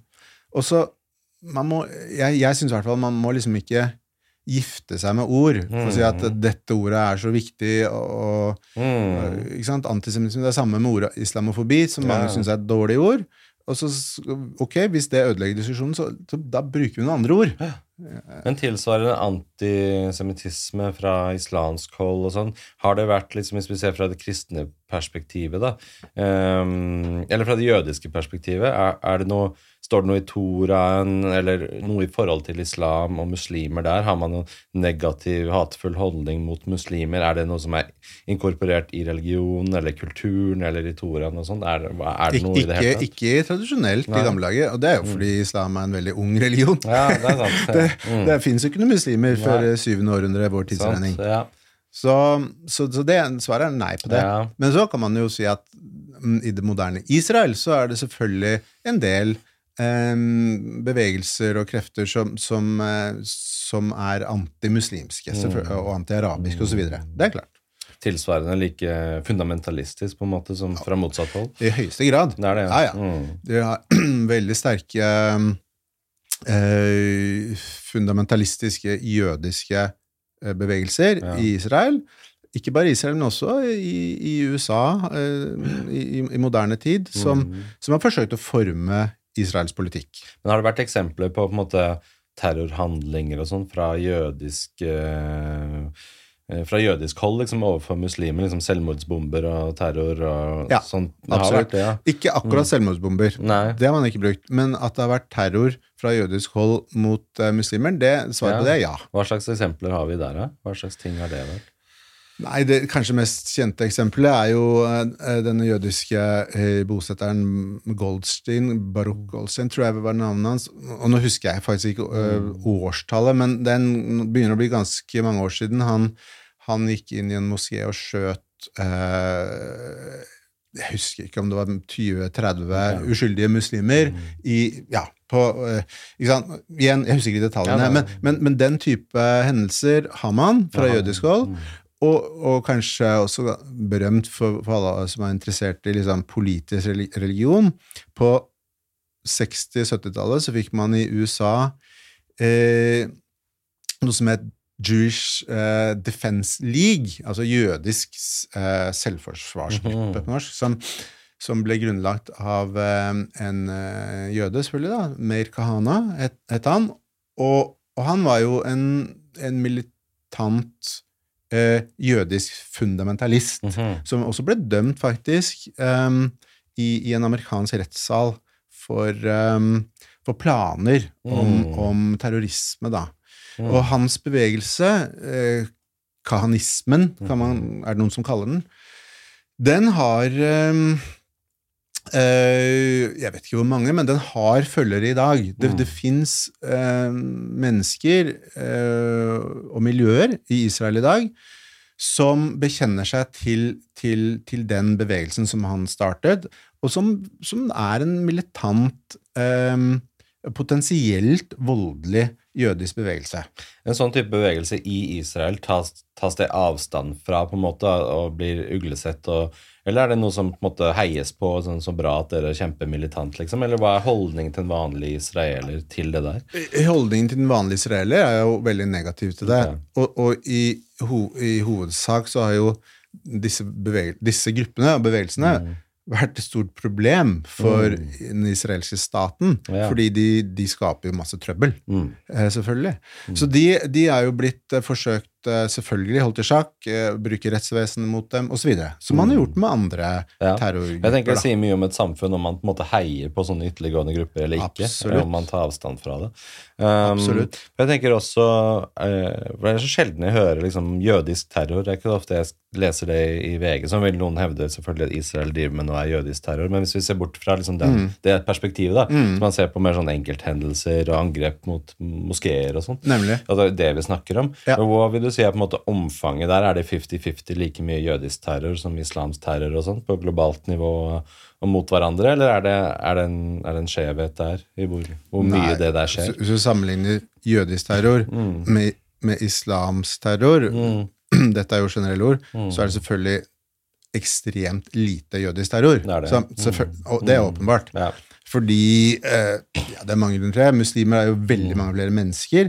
Men, men hvis vi kan kalle det islamistisk terror, har selvfølgelig vært eh, eh, en ganske betydelig eh, Et betydelig fenomen i, i, i noen tiår nå. Mm. Det, så selvfølgelig har det skjedd veldig mye mer av det. Men også av- hvis vi avgrenser det til eh, muslimsk eller islamistisk terror mot konkret jøder i forhold til versus jødisk terror mot konkret eh, muslimer. På en måte, Hvis man ikke ser på resten av samfunnet. Og, Nei, så, hvis man ser på akkurat de forholdene der. ja, så vil jeg, mitt svar vil jo helt klart være at det har vært mye mer eh, terror mot jøder fra muslimer enn omvendt. Ja. Det er jo ingen tvil om det. Mm. Riktig. Skal vi gå tilbake til tidslinjen vår igjen? Eh, da er vi ved andre verdenskrig. Eh, 1947 var vi Ja, på vi var liksom ved opprettelsen av Israel, kanskje? Ja, eller? ja, ja, riktig. Ja, opprettelsen av Israel. Jo, vi var inne på at vi skulle utkast til avtaler, og så eh, Jo, vi var på det at uh, er det en god avtale hvis, hvis den andre parten ikke er enig i det, men så blir den banket gjennom uansett. Mm. Og så må de begynne å leve med dette her, da. Og hvordan går det da når de må begynne å leve med denne oppdelingen?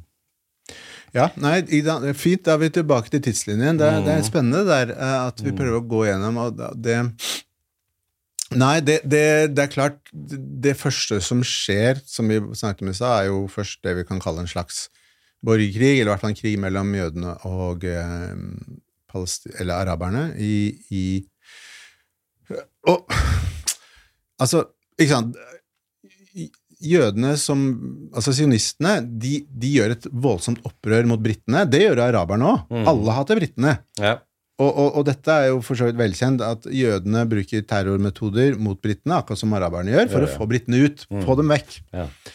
For vi har, og, og da er vi før 47, da, selvfølgelig. Eller vi er, vi er i det samme eh, tidsrommet her. Vi er liksom, det, er, det er andre verdenskrig som er konteksten, for så vidt, og, og etterspillet av det. da.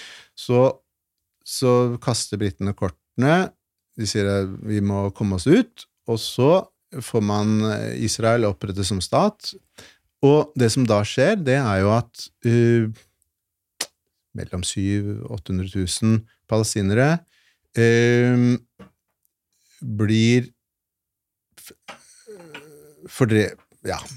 Og her igjen er det umulig å velge ord, da. For det, Ja, ja. for det er mellom 700 og 800 000 palestinere som, som flytter, blir fordrevet, eh, eh, fjerner seg fra, fra området, da. Mm. Eh, og så har det vært eh, forferdelig mye diskusjon om grunnen til det. En, av, en viktig grunn til det er selvfølgelig at det var krig, og at jødiske militære styrker fordrev arabere. Helt klart. Fordi det var krig. Eh, en annen grunn som noen trekker fram som viktig, hvor viktig den er, kan man diskutere, det er at en del arabere flyttet eh, av, eh, fordi de fikk beskjed om det av arabiske ledere. Her er det så mye følelser bare i den historiske fortellingen at det er nesten umulig å, å trå riktig uten å, uten å eh, ja, Ja, ja. trå feil. Bare ta forbehold om det, at det er, det er Men- tusen måter å tolke Men, det på. men mange mennesker, mm. 700 000-800 000 mennesker, Mm. eh, arabere, palestinere, eh, ble de, delvis fordrevet og delvis flyttet som resultat av krig Mm. fra eh, ut, ble flyktninger, eh, og, og konsekvensen av det ser vi i dag. Mange, en god del ble igjen, og så, såpass mange ble igjen at det selvfølgelig er en stor eh, arabisk-muslimsk minoritet i, i Israel i dag. Eh, ja, og det kan vi også snakke om. Men, men, men resultatet var da først denne krigen, med fordrivelsen, eh, som araberne gjerne kaller nakba, altså eh, katastrofen. Som, Mm. som. Og så, men umiddelbart etter dette, så blir det jo en mellomstatskrig, en mellomstatlig krig, fordi araberlandene angriper Israel. Ja. Hvilke land da?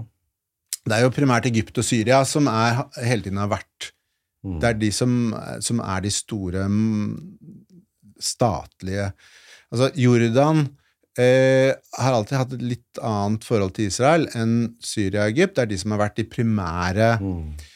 fiendene til, til Israel. Og, og, eh, så, så det blir en krig som da Israel vinner, og, og, og det er et slags nederlag for, for den arabiske verden, fordi man ønsker ikke å ha denne jødiske staten der. Eh, Og de Så- angriper Israel med hovedårsak som at det dere har gjort mot, eh, i forhold til å fordrive muslimer og sånn, det er derfor de går til krig mot dem? Er det det som er motivasjonen? Ja, dette er sammensatt, og, og her er det masse historikere som kan veldig masse, og, og, og det er mye å si om det. Men, Mm.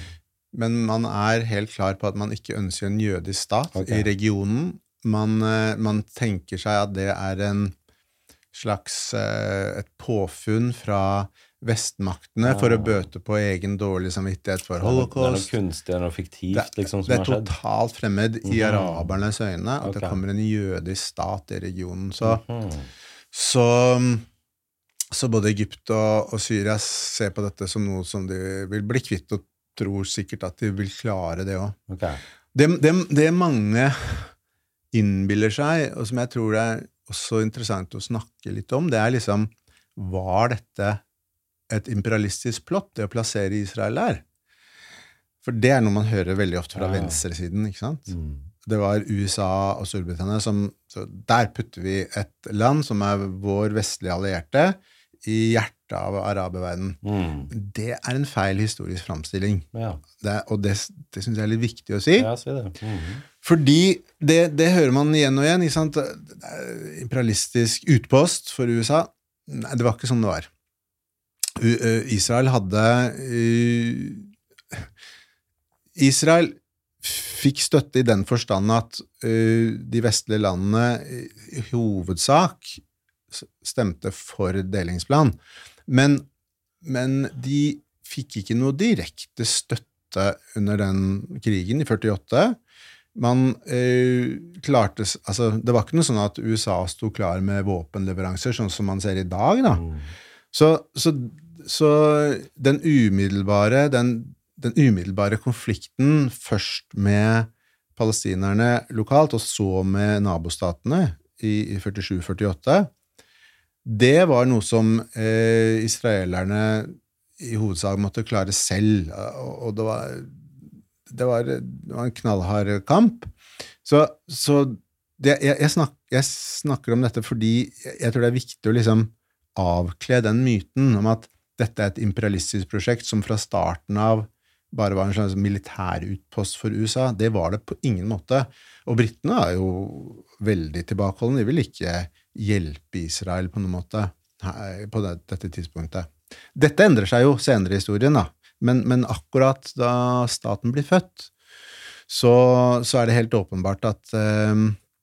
Og, og israelerne selv, sionistene som er i Washington og driver med lobbyvirksomhet, de må jo si til, til amerikanerne at ja, men dere trenger ikke være vi skal, vi skal ikke bli en sosialistisk utpass, for det er det jo mange i USA som tror. Ja, ja. At ja, men søren heller, hvis det kommer etter Israel, så kanskje de blir uh, Kanskje blir Stalins. ja det er vi redde Eh, for, selvfølgelig. Mm. ikke sant? Mm.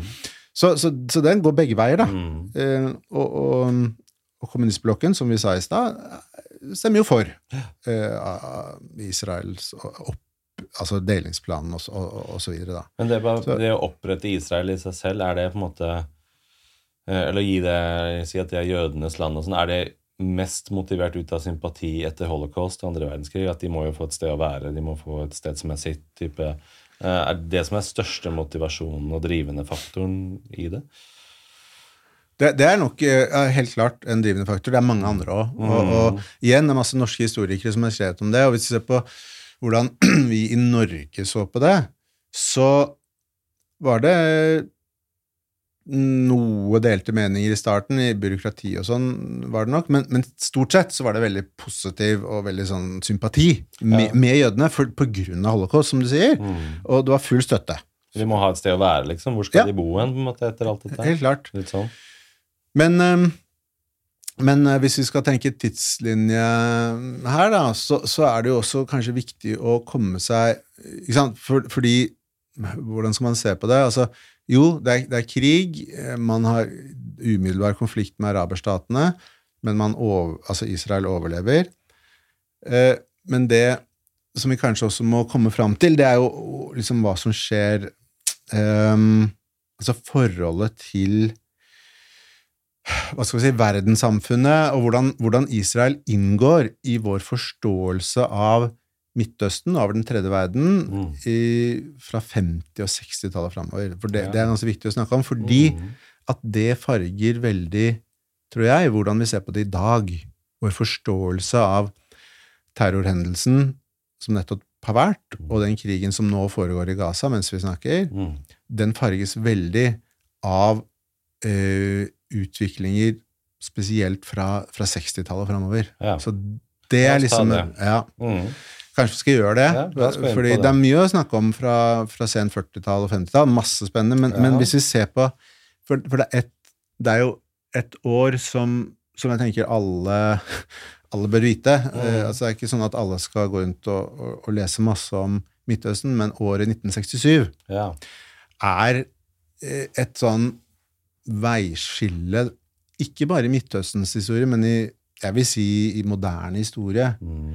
Fordi at seksdagerskrigen, som fant sted da, sommeren 67, den var fryktelig viktig. På alle måter. Politisk, selvfølgelig, men også symbolsk. Og seksdagerskrigen, den, eh, den var jo et resultat av at araberstatene igjen ønsket å ta rotta på Israel. Du prøver en gang til, liksom. Så vi prøver en gang til. Mm. Man bygde opp styrker. Man hadde full støtte fra Sovjet på denne tiden. Egypt og Syria. Mm. Egypt og Syria var Man kan nesten kalle dem vasallstater under Ja. Sovjet. Ja. Tung tilstedeværelse av sovjetiske rådgivere, militært personell, politiske rådgivere, eh, sovjetisk utstyr. Masse militært utstyr. Så, hvorfor var Sovjet så interessert i å ta rotta på Israel? Det er fordi at Sovjet um, så på Israel uh, Og det, det starter egentlig før Altså mm, ganske Allerede under Stalin, vil jeg nok si. Eh, men, men spesielt fra, fra 60-tallet så ser Sovjet på Israel som USAs uh, forlengede arm i okay. Midtøsten. Mhm. Så de, så de ser på verdenskartet og ser en global konflikt mellom USA og Sovjet. Mhm. Og det foregår i Afrika, det foregår i Latin-Amerika, Sørøst-Asia osv. Så, videre. så ser de på Midtøsten-kartet, og der har Sovjet Egypt og Syria spesielt som sine, som sine liksom nikkedukker. Mens fra et sovjetisk perspektiv så er Israel da USA, altså erkefiendens lange arm, Mm. i, i denne regionen. Derfor så vil de ta rotta på Israel. Em, og, og det forsøker de veldig hardt også.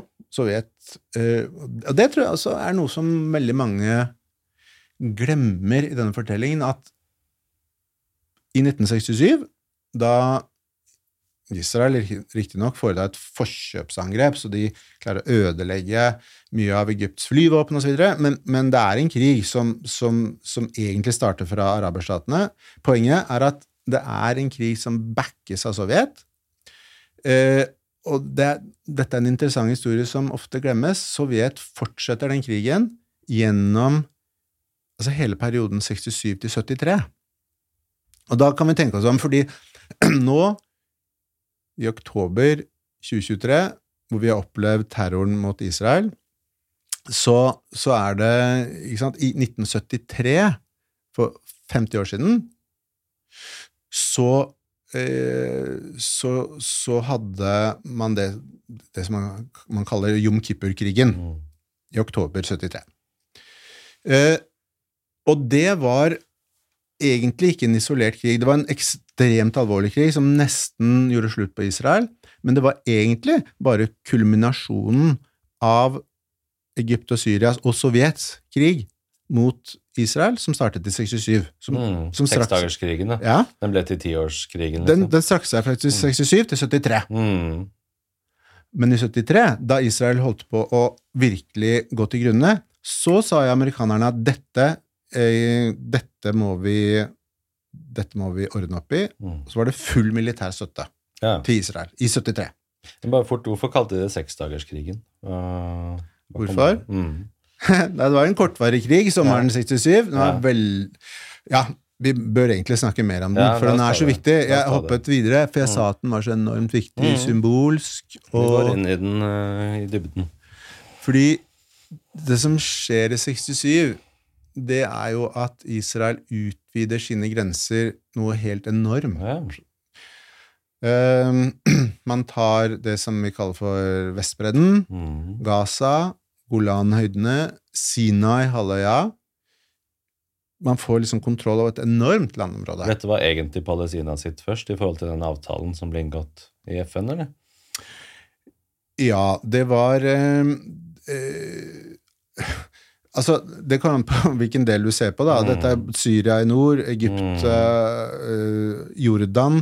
Jordan hadde jo Vestbredden eh, fra, fram til 67, så de tok det fra Jordan.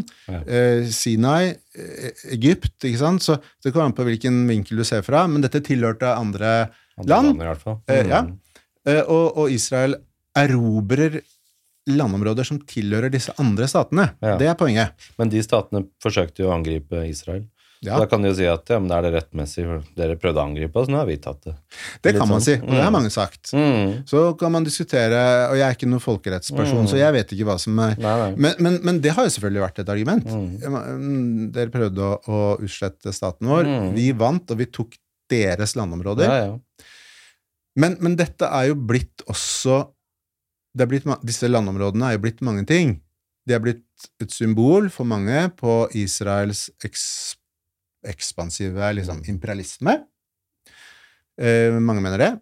Og så er det blitt eh, Men så ble det også et forhandlingskort, selvfølgelig. Fordi Israel hadde land, og så har man da sagt i senere tid Ok, dere kan få tilbake land, men da skal vi ha fred. Mm.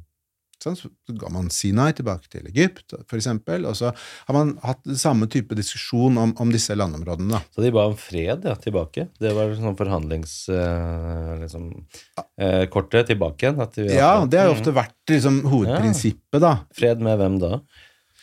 Nei, viktigst Egypt først. Egypt, ja. Ja, ja. Ja. Sadat, og det var jo Sadat, da, som, som var eh, Egypts store leder, som, som ble både populær mange steder, men også veldig upopulær mange steder, fordi, Ja. han, fordi han gikk til det skrittet å slutte fred Ja. med, med Israel. Å ja. Så det var upopulært, det.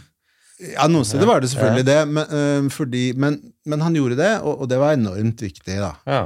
Um, så så den, den freden mellom Egypt og, og Israel, den har jo holdt. Men det er interessant, det der, for jeg, så, jeg føler at det er litt sånn symptomatisk at det er noe Israel har vært interessert i, virker det som. Da, at de egentlig bare har lyst på fred. Da.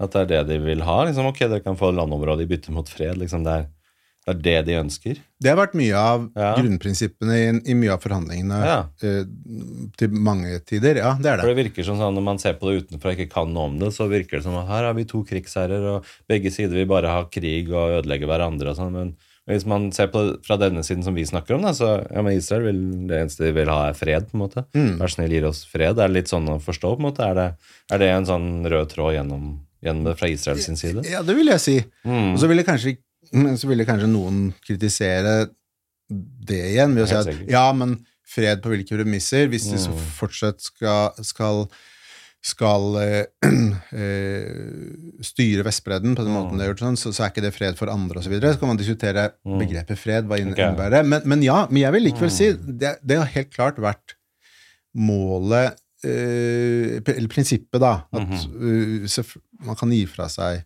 land, Ja. men, men man trenger forpliktende fredsavtaler. Ja. Helt klart. Men så kommer vi til det symbolske ved 67-krigen. Mm.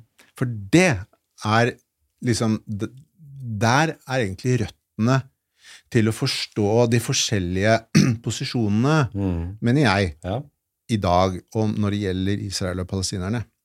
For den symbolske betydningen av seksdagerskrigen, den er For det første er- den enormt stor.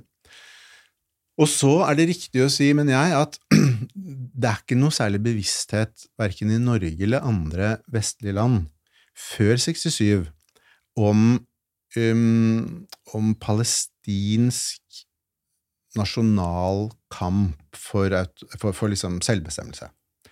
Ja, man har PLO, eh, som er selvfølgelig før 67, og man har em, en del aksjoner, militære aksjoner mot Israel før 67 fra, fra palestinske eh, grupper. Mm. Det har man. Men, men hvis vi ser på norsk idéhistorie og vesteuropeisk idéhistorie, så er det ikke sånn at man har, man har aldri det, det, det er ikke mulig å tenke seg liksom en demonstrasjon i Oslo eller Paris i, i, i 1964 for palestinerne, Mm. fordi det er etter 67 at den bevisstheten kommer. Mhm. Og, så, så det er etter 1967 at Palestina-bevegelsen starter. Riktig. Og, og, og, og dette er jo en del av tidslinjen, tenker jeg, da, som vi snakker om her, at, at man får da en generasjon av politisk aktive unge mennesker, kan man si, i Vest-Europa, inkludert Norge, som er veldig, veldig, veldig opptatt av Palestina-spørsmålet. Men hvorfor starter den da i forbindelse med en krig hvor det er de landene som går inn og vil ta Israel? på en måte? Hvorfor får man da masse sympati med Palestina midt oppi det? Det er et fantastisk interessant spørsmål. Mm. Og for å forklare det, så må man jo se, se liksom idéhistorisk på dette her. Eh, Det som skjer, er at man fra, fra slutten av 50-tallet, egentlig, utvikler det seg Men spesielt på 60-tallet, så utvikler det seg liksom en, en, en idé, en bred strømning i vesteuropeisk spesielt, eh, tenkning, eh, politisk kultur, kan man si, som, som oppfatter liksom verden som delt inn i bestemte leire. Altså først, og det er derfra begrepet Den tredje verden kommer. Mm. Det du- det har alle hørt om. Den tredje Mm. verden sier man av og til. Ja, ja. Og det oppstår her. Oppstår egentlig på 50-tallet, men blir liksom viktig på 60-tallet. Man tenker seg det fins en tredje verden av undertrykte mennesker. Det fins en første og en andre verden nå. Mhm. Vi trenger ikke å gå i dybden på det, men poenget er at europeiske ungdommer i 67 Vi kan snakke om 68-generasjonen nå, ikke sant? Mm. De tenker seg det fins en tredje verden, det er undertrykte mennesker. Eh, vår oppgave er primært å hjelpe til å frigjøre de som er undertrykte. I noen grad så, så har du jo rett i den forstand at dette er jo like etter kolonitiden, og det er jo ganske nylig at europeiske kolonimakter har gitt opp øh, koloniprosjektet, og, og, og man har fått mye uavhengige nye stater. da. Så, men, men, men dette er en veldig sterk ideologi på venstresiden i politikken. Og den, den sier da at Palestina-saken er kanskje det viktigste uttrykket for denne globale konflikten mellom den tredje verden, som krever, fortjener frigjøring, rettigheter, og vi på en måte kapitalistiske og hvite, eh, den første verden, som eh, er liksom etterkommerne eh, av kolonimakter, eller kanskje til og med fortsatt kolonimakter i en eller annen forstand. Mhm. Den ideologien er det som virkelig kommer seilende, og som tar opp i seg Palestina-saken. Det er veldig symbolsk, egentlig. Da. Symbolpolitikk. og det, Kanskje det er innflettet med postmodernisme, og det begynner å, man begynner å se verden med to forskjellige linser, bare. Enten så er du undertrykt, eller så er du undertrykker. Det fins Yes. bare det svart-hvitt bildet der. Og hvis noen er undertrykt, så må det bety at den andre parten er undertrykker. Det, kan ikke, det er ikke noen nyansering der. Og man skal alltid ta automatisk eh, side med den som er undertrykt, eller den som er svakest, eller den som er offer. Mm. Og offer er lik god. Og den sterkeste er like ond. Ja. Ikke sant? Det er bare det bildet. Eh, For en del miljøer så er det faktisk så enkelt som du sier det nå. ja. Så hvis du leser en del tenkere, eller, eller hører på taler, mm. leser bøker fra ja, etter 67, det er der vi snakker nå, og innover 70-tallet og 80-tallet, så er det såpass enkelt som du sier det nå. Det er delt inn i, i disse um, store leirene. Palestinerne er liksom i fronten. Mm. Det finnes andre òg. Det finnes Vietnamkrigen, er kjempeviktig, selvfølgelig. Mm.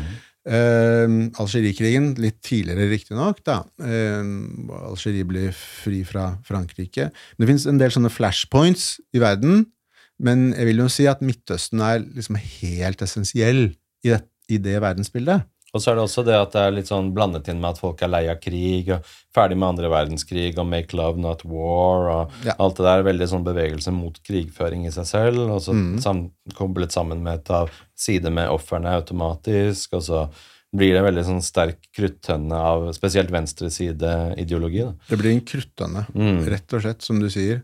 Og så får du palestinske um, grupper. der. Du hadde allerede selvfølgelig Fatah, og Mm. Etter hvert PLO som paraply, eh, hvor mange av disse gruppene inngår. PFLP, DFLP osv. Altså, det vil si, vi trenger ikke å ta detaljer, men det er palestinske militante grupper som også deler dette verdensbildet. Er det Yasir Arafat og sånt? Arafat er selvfølgelig en del av dette, Ja. som leder for Fatah. Mm. Leder for PLO. Eh, så de deler det verdensbildet, og det blir også en veldig sterk kobling mellom disse gruppene og deler av venstresiden, Mm. spesielt ytre venstre, i Europa. Mm. Og det som er utrolig interessant, og, og som også er en del av den politiske historien her, det er jo alle altså, Vi snakket litt om terror i stad. Du, du spurte litt om altså, hvor har det vært mest terror og sånn. Men, men det som skjer i Vest-Europa i denne perioden, Mm. det er jo at man får venstreekstreme terrorgrupper Mm. og ganske mange, faktisk. Så hvis vi ser på Vest-Tyskland, eh, fra slutten av 60-tallet utover hele 70-tallet og inn på 80-tallet, så skjer det hundrevis av store terroraksjoner eh, mot forskjellige typer sivile mål, også noen militære mål, men masse sivile mål, utført av eh, venstreekstreme grupper. Mest kjente er selvfølgelig Rote Armee-fraksjon, RAF, men det er mange andre, mange mindre grupper. Og disse står i allianse med mange av dem, i hvert fall, står, er allierte med palestinske grupper. Så, de- og de utfører altså av og til operasjoner sammen. Flykapringer, for eksempel. Mm. Og så reiser det Jeg vil kanskje ikke si mange, men det reiser i hvert fall Vi vet ikke hvor mange, men noen hundre vesteuropeiske ungdommer, inkluderer også norske ungdommer, til Midtøsten for å slåss med palestinerne. Med Så det- altså- palestinaskjerf på. ja, ja. Mm. Så poenget mitt er at det skjer noe både i politikken og idéhistorien Mm. til Norge og Vest-Europa som, som tar inn i seg Palestina-spørsmålet innenfor, innenfor liksom, eh, forståelsesrammen til det ytre venstre. Mm. Og det er, det er viktig å forstå. Problemet med ytre venstre er at de alltid tror at de kjemper i godhetens navn. ikke sant? De er Ja. alltid på den gode siden. De, de gjør det. Mm. Akkurat så, og, og, jeg, og jeg syns av og til at vi tar litt for lett på det du sier der. Ja. At vi, vi er gode i Norge, syns jeg, på å fordømme det ytre høyre, Mm. det som er antidemokratisk, som er farlig på ytterste høyre.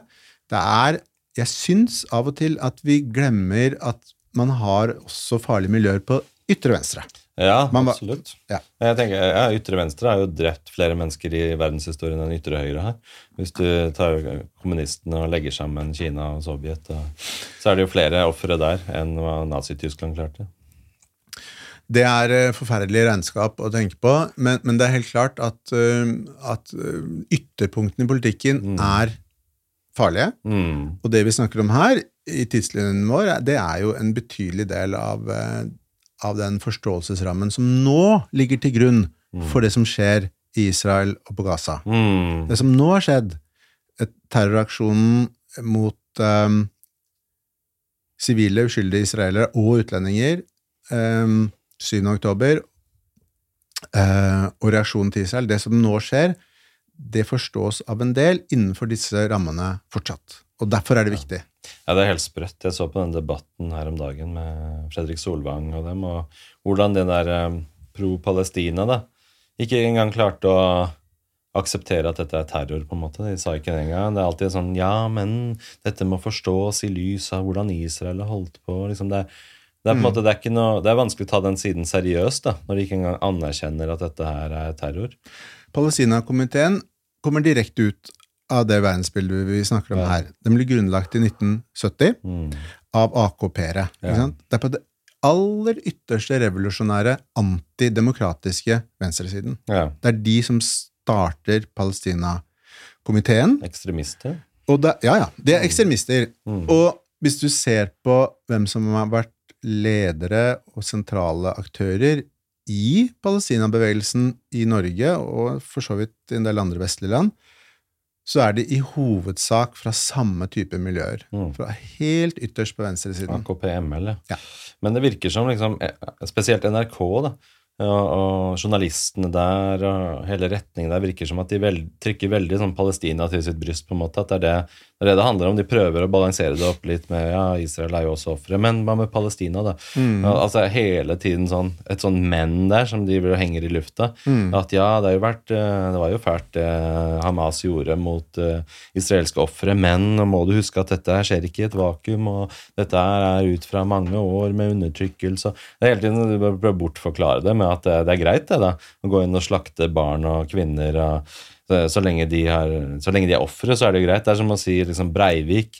Ja, han drepte jo mange på Utøya, men du må huske at han hadde ikke noe bra barndom. Da, så da kan ikke se det i et vakuum. Altså, jo, vi kan se det i et vakuum. Folk er fortsatt ansvarlig for handlingene sine, uavhengig av bakgrunn og forhistorie og hva de har opplevd. Du er like fullt ansvarlig for akkurat det du gjør der og da, uavhengig av hva som har skjedd med deg tidligere, tenker jeg. Mm.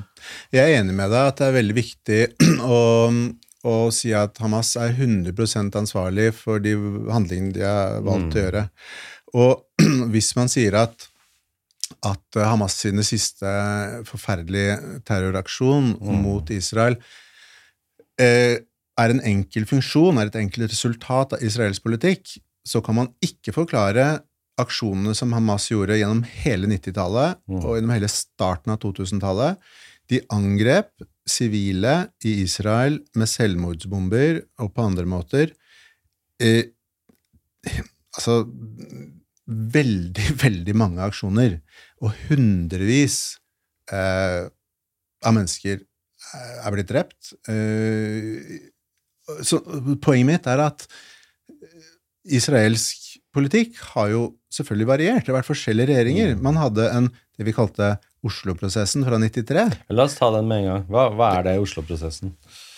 Oslo-prosessen, det er jo Det er I 1993 så oppdaget liksom verden at eh, det var en hemmelig kanal, vil si en kontakt, Mm. mellom, mellom eh, israelere og palestinere eh, som gikk gjennom Oslo.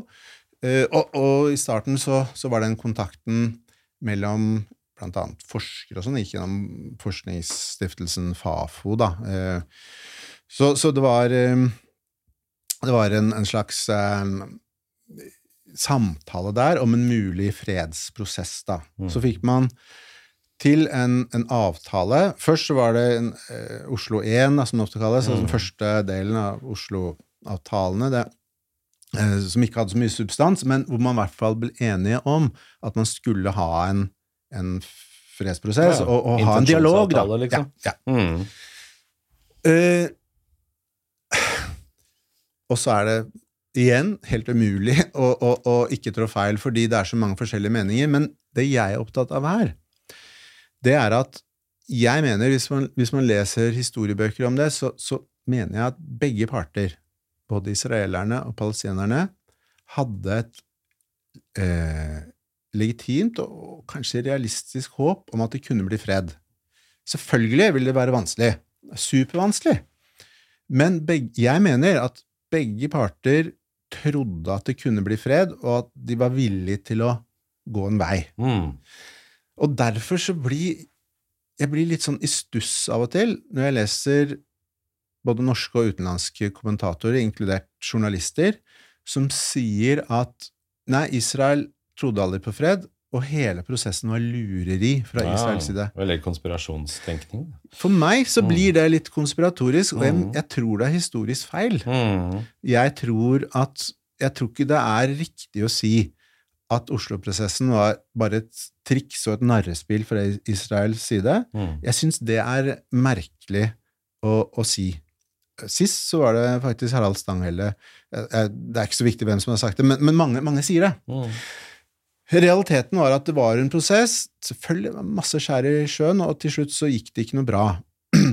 Et av skjærene i, i sjøen for Oslo-prosessen, for den fredsprosessen man forsøkte da å ha, samtalene man hadde fra 93 og framover Et av de virkelig store skjærene i, i sjøen var jo Hamas. Ja, det var det, ja. De, de, Mm. de, Hamas fikk? Og bak igjen så er det jo Iran som står og lurer litt, fordi Ja. Iran vil jo ikke ha fred. Nei. Hamas eh, har kontakt med Iran, de får ressurser, eh, støtte, pengestøtte, våpentrening, og de får også klar beskjed om at det er ønskelig å ødelegge fredsprosessen.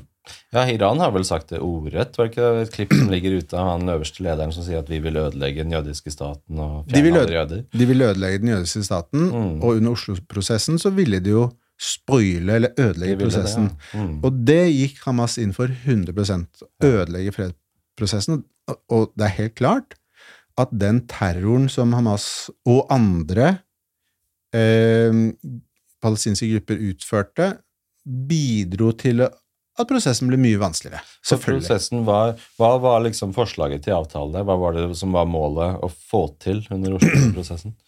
En tostatsløsning. En tostats, ja. Ja. Med hva slags altså 50-50 i hele landet, eller var det noe sånn konkret eh, Hva var liksom planen? Ja, nei, Det er jo det som mange sier var mangelen, da. At man, man banket ikke ut uh, de realitetene, de Ja. praktiske realitetene fra starten av. Mm. Fryktelig vanskelig. Mm. Hvilke områder, hvor stor del av Vestbredden, hva gjør man med Gaza, hva gjør man med Jerusalem, Mm. spesielt Øst-Jerusalem? Veldig vanskelig spørsmål, som man valgte å utsette Mm. noen mener man valgte å utsette det, og det var dumt. Men, men for å gjøre det til en litt kortere historie enn det kunne vært, så ender man opp i Israel opplever jo politisk krise eh, på mange måter, men man ender opp i år 2000, Ja. hvor Oslo-prosessen har liksom gått opp og ned. Så ender man opp i USA, på Camp David, Mm. med Clinton, ja. med Clinton som liksom bakspiller. Mm. Der står Ehud Barak, eh, Israels statsminister, og Yasir Arafat. Får ikke Arafat fredspris og greier? Jo da, Ja. eh, det er for så vidt eh, sant, men det, det er ikke så relevant okay. akkurat her. Ja. Po poenget her er at um, Barak har veldig liten tid fordi uh, han er på helt på slutten av sin periode som statsminister. Mm. Israelerne lager liksom, Man sitter flere dager i, i, USA og snakker, tegner kart osv. Man kommer med et forslag på bordet Mm. Eh, som omfatter Ja, igjen, det er vanskelig detaljer 95% omtrent av Vestbredden, pluss Gaza, pluss deler av Øst-Jerusalem. Altså, Så det ganske Man- konkret. man får et konkret poeng Ja, det er det som er Mhm. poenget. Man får et konkret forslag på bordet. Kart, liksom. Dette Mhm. kan være en palestinsk stat. Ja. Eh, og dessverre så sier Arfat nei. ja. Hvorfor det? Nei, i ettertid Igjen, dette er sånn historikermat. Mm, Hvorfor sier. Arafat nei? Og historikere vil nok, tror historikere vil banke hverandre opp, gjerne, for å få rett på dette her. Og, og, og, og jeg har ikke studert primærkilder på det. Men mitt, mitt uh, inntrykk er vel at uh, Arafat uh, har masse press, selvfølgelig, fra, fra, fra andre Fra, fra si- sine egne, Mm. fra forskjellige palestinske fraksjoner, bevegelser, grupper osv. Eh, og syns ikke han får eh, nok. Syns kanskje ikke det er Mhm. konkret nok, selv om det er forholdsvis konkret. Det er for dårlig deal, rett og slett. Men det, dette er også for meg i hvert fall, litt sånn mystisk hvorfor man ikke sier ja. Ja. Men, men det man vet, er at man sier nei, man reiser hjem til Midtøsten igjen, og nesten umiddelbart så starter en av de mest voldelige periodene i hele den konflikten. Mm. Fra, fra disse to, fra Barack og Arafat kom hjem, så, så, så er det de, de virkelig voldelige eh, på palestinsk side som får styre agendaen, fordi da får man det man kaller for al-Aqsa-intifadaen, eller andre intifadaen, Mm. som er eh, et opprør med masse selvmordsbomber mot Mm. israelske sivile osv. Så, og det betyr jo at sant, år 2000 der, der, det, er- det, er- Der hadde man en mulighet eh, for en løsning, men det ender i forferdelig vold. eh, og det er liksom blitt stående, da. Det er blitt stående som symbolet på Oslo-prosessen, at den endte bare med forferdelse. Ja. Den endte med blod og, og bomber og, og så videre. Og det jeg, jeg tenker liksom at for, for norske diplomater, norsk UD og for norsk uh, arbeiderbevegelse også, så, så er det stort, kanskje et stort nederlag, fordi Norge liksom i perioden ønsker å bygge seg opp som fredsnasjon. ikke sant? Ja, derfor er Oslo Prosess i det hele tatt at vi inviterte dem hit? Fordi vi ønsker å være fredsnasjon? Og... Man ønsker det. Mm. Man har, involvert, man har finger med i spillet i mange fredsprosesser. Og, og dette er liksom kronen på verket av dette er alle fredsprosessers mor. Ja. Så hvis Norge, lille Norge, får til det Det er prestisje av det. Enorm prestisje, Mm. selvfølgelig. Men hvorfor fikk Arafat fredsprisen? Eh, hvor, hvorfor han eh, eh, Det ble jo ikke noe fred, liksom. Han burde jo fått den hvis han klarte å skape fred da, mellom Israel og Palestina. Men han gjorde jo ikke det. Ja. Eh, Nei, det var vel fordi Altså, han fikk den jo eh, sammen med israelske motparter, eh, Mm. og, og man fikk den vel som en sånn anerkjennelse av at man hadde begynt å ta okay. noen skritt i riktig retning, da. Okay. Så, Mm. Men, men eh, ja, om man, om man eh, hadde fått den liksom i dag Det, Det er litt sånn at Obama irrelevant, fikk prisen i forkant for, fordi Mm. vi håpet at han skulle ja, bidra kan- til noe. Kanskje Ja. litt, litt eh, sånn. Men eh, nei, ok. Så 2000, masse terror starter fra begge sider, eller mot hverandre og angrep og sånt? Eller mest mot altså, Israel? Terroren er jo mot Israel, Det det, ja. og, og Israel forsøker å, å selvfølgelig rulle opp Hamas'. Terrorgrupper, Ja. eh, eh, Islams jihad og så alle disse. Ja. Så, så nei, terroren men, men det er klart, masse palestinere dør der, eh, f- i, dis, i denne konflikten. Mm. Men eh, selvmordsbombene er jo mot israelere. Kafeer og Jeg har vært på noen av disse stedene hvor, hvor det skjedde, i, i Tel Aviv blant annet, og um, sett liksom Her ble det drept så og så mange ehm, mennesker som Men satt og drakk Har Israel liksom og- konkret sånn åpen grense, sånn at Palestina bare kan valse rett inn med selvmordsbomber på seg, sånn, eller er det masse porter og grenser allerede da, hvor det er mye sikkerhet og kontroll? Og Det er selvfølgelig masse sikkerhet, Ja. men det er jo vanskelig da eh, å, å ha full kontroll. Ja. Det er veldig vanskelig. Men eh, så Israel gjengjelder de disse terrorangrepene på noen måte? Altså eh, Sender de på en måte tilsvarende selvmordsbombere inn i Palestina, eller tilsvarende terror andre veien også? Selvmordsbombere er ikke en del av operasjons, eh, operasjonsregisteret er til, til Nei, for dette er jo en stat som reagerer og forsøker å rulle opp terrororganisasjoner. Ja, for jeg synes det er litt viktig, for det er alltid når man prater om dette her temaet, så, så sier liksom folk til meg at «Nei, du må huske at Israel er like ille, og jo, Palestina gjør jo mye fælt og sånt, men du må vite at Israel er akkurat like ille, så det er, det går ikke an å ta stilling her. Og da virker det for meg som om de sier at ja, ja, Israel kommer og bomber folk og dreper sivile og barn, men Israel gjør akkurat det samme. Men, men de gjør altså ikke det. Det er ikke sånn at Israel går inn og dreper barn og kvinner og sivile og bomber kafeer og, og opererer på den måten der. Nei, selvfølgelig er det ikke det. Nei.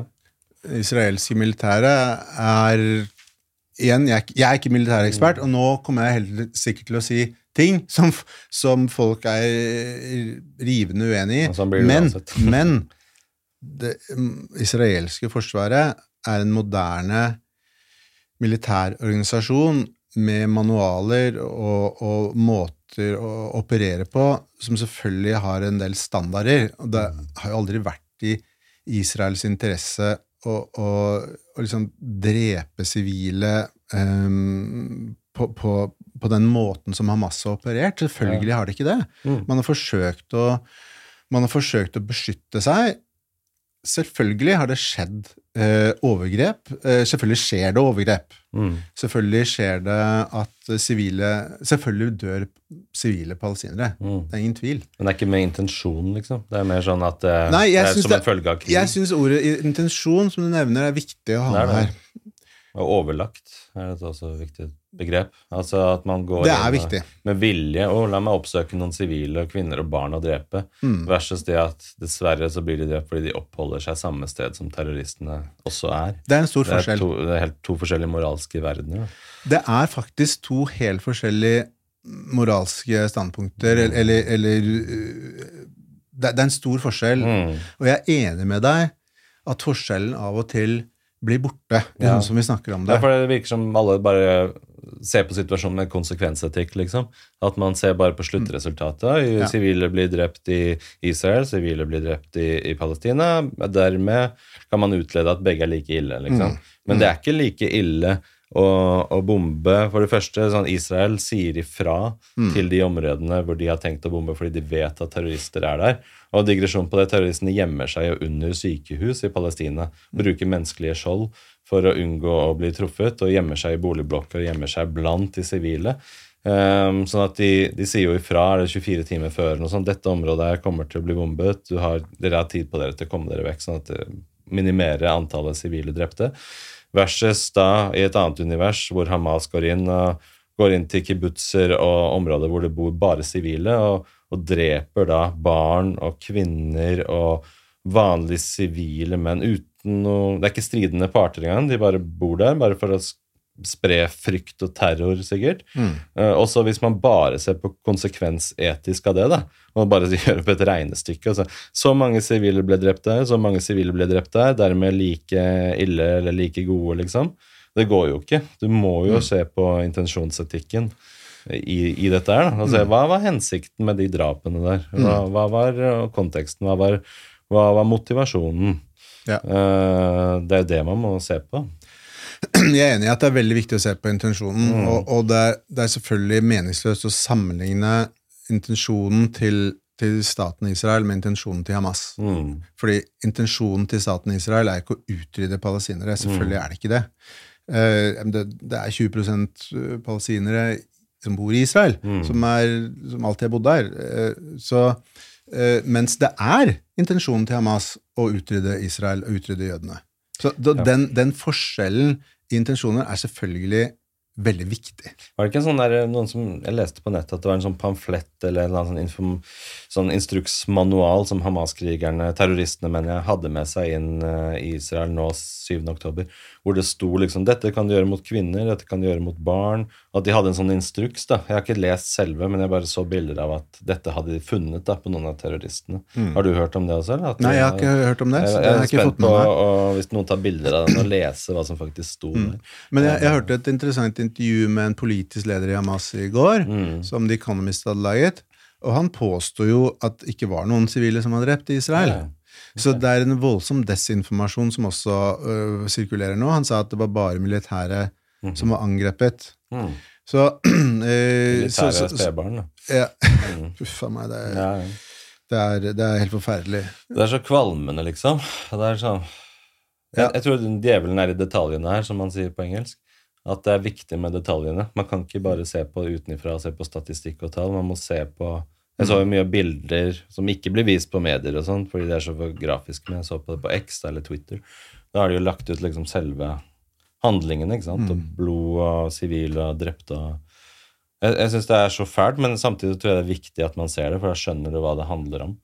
Jeg, liksom jeg det, ser ikke på det. Jeg, jeg, må innrømme det. Dette blir mer sånn personlig mm. diskusjon. men jeg jeg ser ikke på det, mm. uh, for jeg vet at det brenner seg fast. Ja, og da sover jeg ikke. Ja. og jeg sier til ja, De voksne barna mine kan jeg ikke si noe til, men mm. 15-åringen ja, sier jeg du får ikke lov til å se på det. det skjønner jeg. For det er veldig sterke inntrykk. Bare, For min del Mm. så tenker jeg at jeg vil se realiteten i hva er det dette handler om. Jeg vil, jeg vil vite den 100% brutale sannheten. Ja.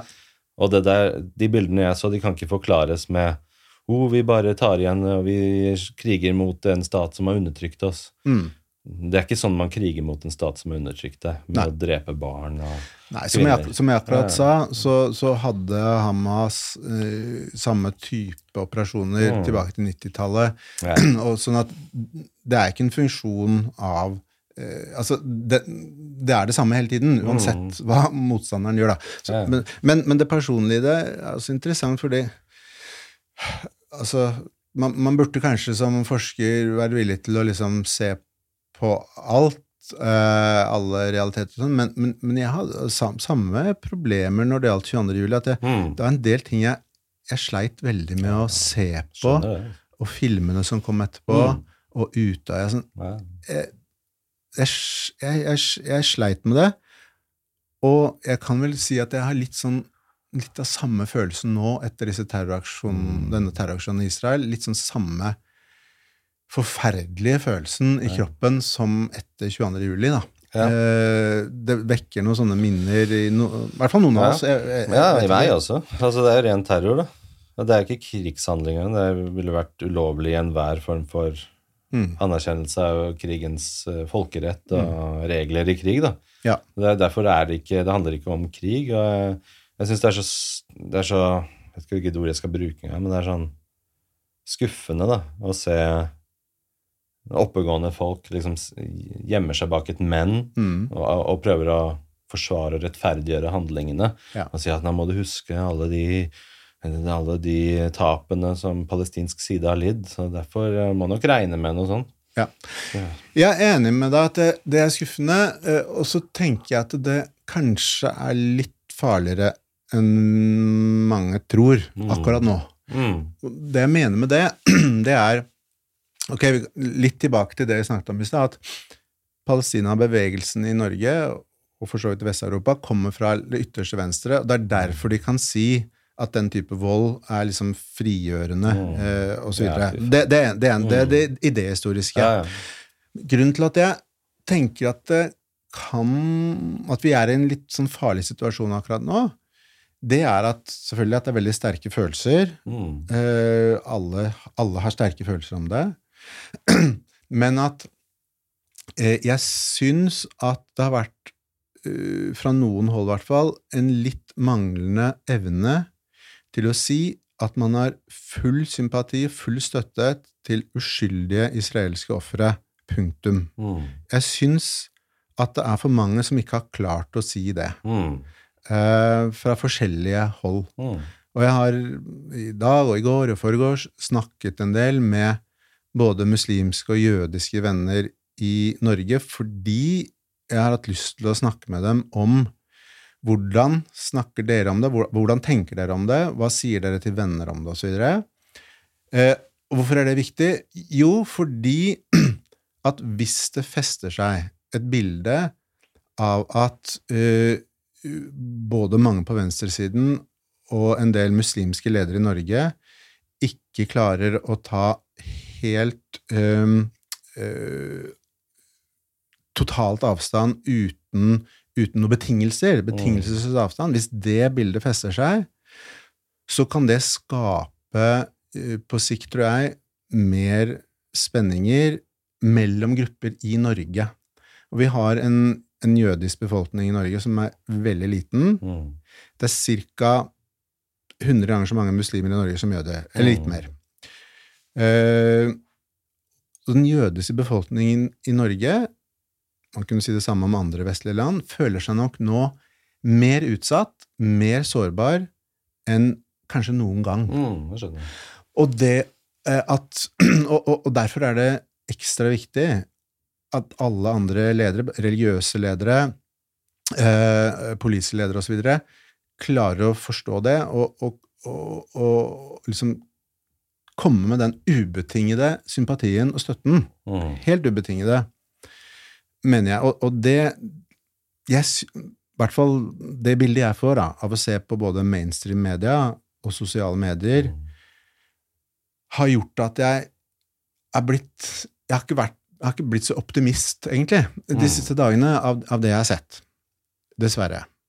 Disse vennene dine som er både muslimer og jødiske, klarer de å møtes liksom og snakke sammen og se ting fra hverandres perspektiver? Og, eller er det blitt veldig polarisert av dette her at de ikke engang klarer å se hverandre i øynene? liksom? Eller hvordan opplever du noe dynamikk der?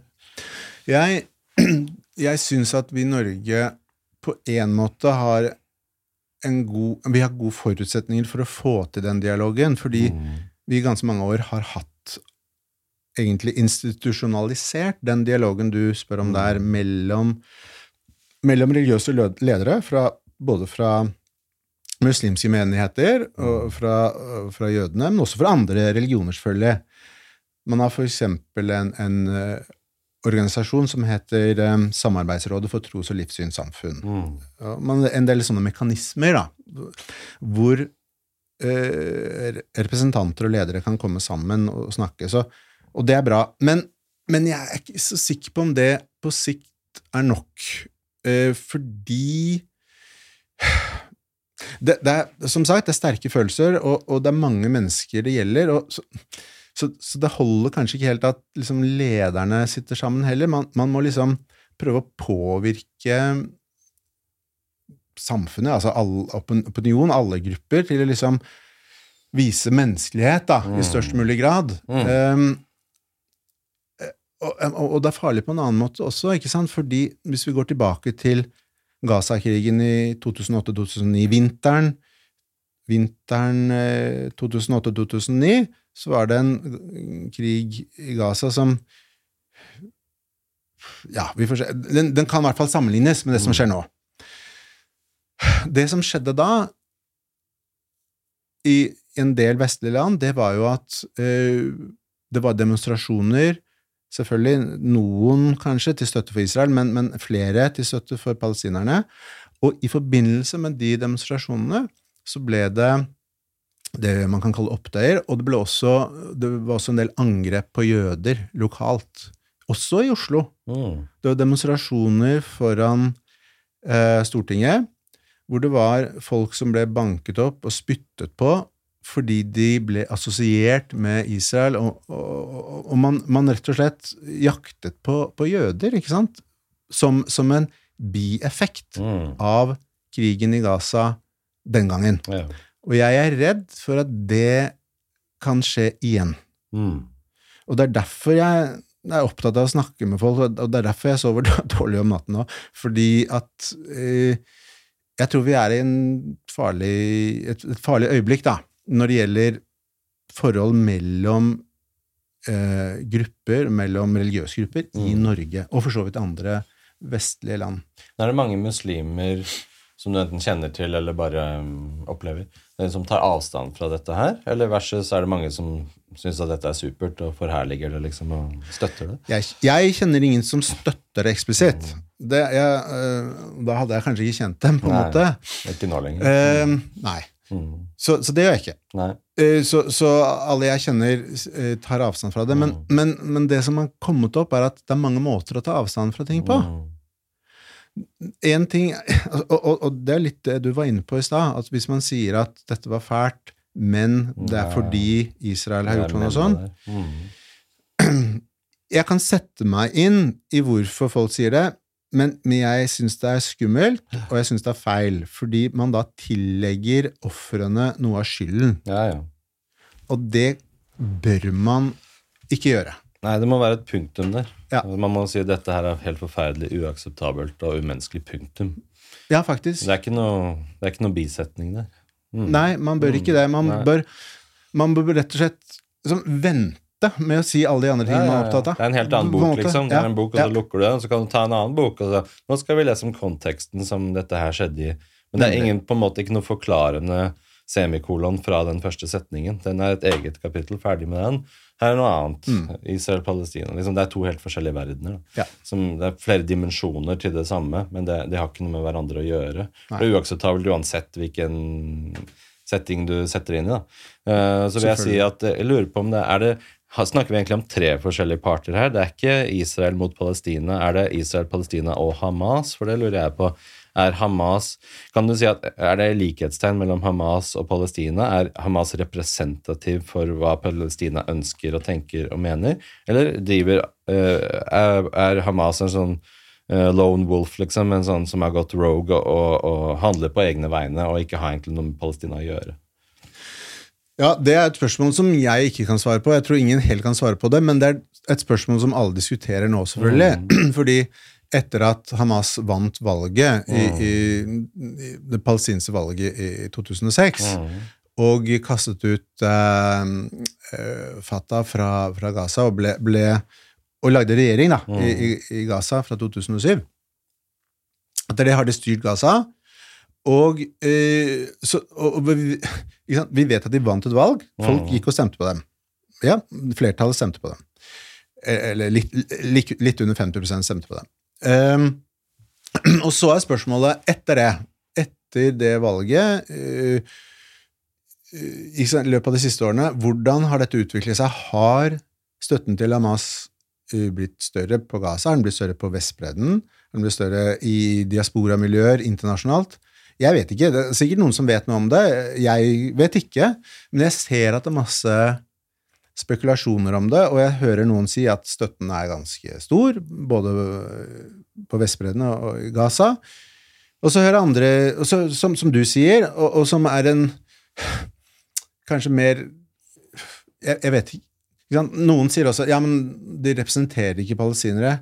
Jeg, jeg, jeg aner ikke helt. Det, det, er et veldig vanskelig spørsmål. Ja, for det er mye å si om de på en måte er bare en tredjepart som driver og seiler under falskt flagg, liksom. Ja, ja. Så sier vi er Palestina, men så er det egentlig noe helt annet. Og så mm. palestinerne er vi. Vi støtter ikke dem i det hele tatt. Om det er sånn, på en måte, har jo veldig mye å si for hvordan vi skal tolke Palestina også. Det har enormt mye å si, mm. og det har enormt mye å si på den måten at man har tenkt at gjennom Vi, vi snakket om fredsprosessen som nå er død og sånn, men, mm. men man har tenkt at man hadde en samtalepartner og en, og en samarbeidspartner mm. i i de palestinske selvstyremyndighetene, mm. styrt av Fatah, mm. Eh, styrt av PLO. Mm. Uh, og, og hvis, hvis, hvis, det viser seg at Hamas er en bedre representant for palestinerne, så har man ikke noen samtalepartner lenger. Nei. Man har ikke noen samarbeidspartner lenger. Um, for, så, så, så, det har veldig direkte politiske konsekvenser også, ja, ja. ikke sant? Jeg skjønte at Hamas er jo både på en, måte en terrororganisasjon, og det er selve byråkratiske, vanlige dag-til-dag styresettet i Palestina. Det er de som står for liksom, vanlig byråkrati, mm. liksom. Ja, det er begge deler. Det er som om Al Qaida liksom var eh, liksom Oslo kommune-type byråkrati, samtidig som de også driver og frilanser som terrororganisasjon. At de gjør begge deler. da. Mm. Så det er veldig sånn hvordan du ser på dem. Mm. Også om det er, det er liksom demokratisk valgt i 2005, og så har de ikke hatt noen de har ikke hatt noen avstemminger siden da. Altså, er det altså, demokratisk valgt. Altså, hadde de noen andre valg enn å stemme på dem? Det er også det. Eller ville de faktisk ha dem? Mm. Er de fornøyd med å ha dem som ledere? Så jeg har også hørt at Hamas driver og på en måte terroriserer sin egen befolkning. At de er veldig strenge totalitært diktatur på en måte for hvordan du kan leve der. Og, Selvfølgelig. Og så lurer jeg på liksom det er en totalitær bevegelse. Ja, ja. Og, og, og? Eh, eh, Palestina er de undertrykt under Hamas, og, og, de kanskje ikke vil ha dem i det hele tatt. og Det er derfor jeg tenker det er så viktig å finne ut av om er Palestina og palestinske innbyggere er de liksom Ja, go Hamas, vi støtter dere, at de er fornøyde og feirer dette angrepet? Ja. Eller om de tar helt avstand fra det og sier nei, vi vil ikke Og jeg vet ikke svaret på spørsmålet ditt, mm. men, men jeg, jeg, kjenner jo på meg selv i hvert fall, mm. at det er veldig fristende. Man har veldig lyst til mm. å tenke at Hamas ikke representerer ja, ja, det. Det, det. er liksom det, håper det liksom. Man håper det. Mm. At dette er en bevegelse som på en måte har kapret ja, en eh, Ja. Mm. Eh, og, og, at hvis man kunne bli kvitt den bevegelsen, enten gjennom valg eller, eller, eller eh, på andre vis, så, så ville så vil man ha en annen virkelighet. Ja, Men jeg vet, jeg vet, ikke svaret. Altså. virker liksom, Hamas virker som en sånn gren av IS, på en måte. At de er bare en sånn brutal, forferdelig middelaldersk eh, gjeng med terrorister som bare mm. har lyst til å drepe, og, mm. og, så bare seiler de under det flagget at fri Palestina. Altså, det handler ikke om det i det hele tatt. Mm. For det vil jeg også inn på. Er dette her en krig om områder og geografi, Palestina versus Israel, eller er dette egentlig en religiøs krig? Ref det de roper på de klippene jeg har sett når de dreper sivile, så roper de 'Allah akbar', Gud er stor. Ned med jødene. Er det en religiøs krig, eller er det en geografisk krig? Jeg tror, det, jeg tror igjen at svaret er fryktelig sammensatt. Ja, det er begge deler, kanskje. ja, ja. Mm. Det, det er det jo helt åpenbart. Og hvis man hører hva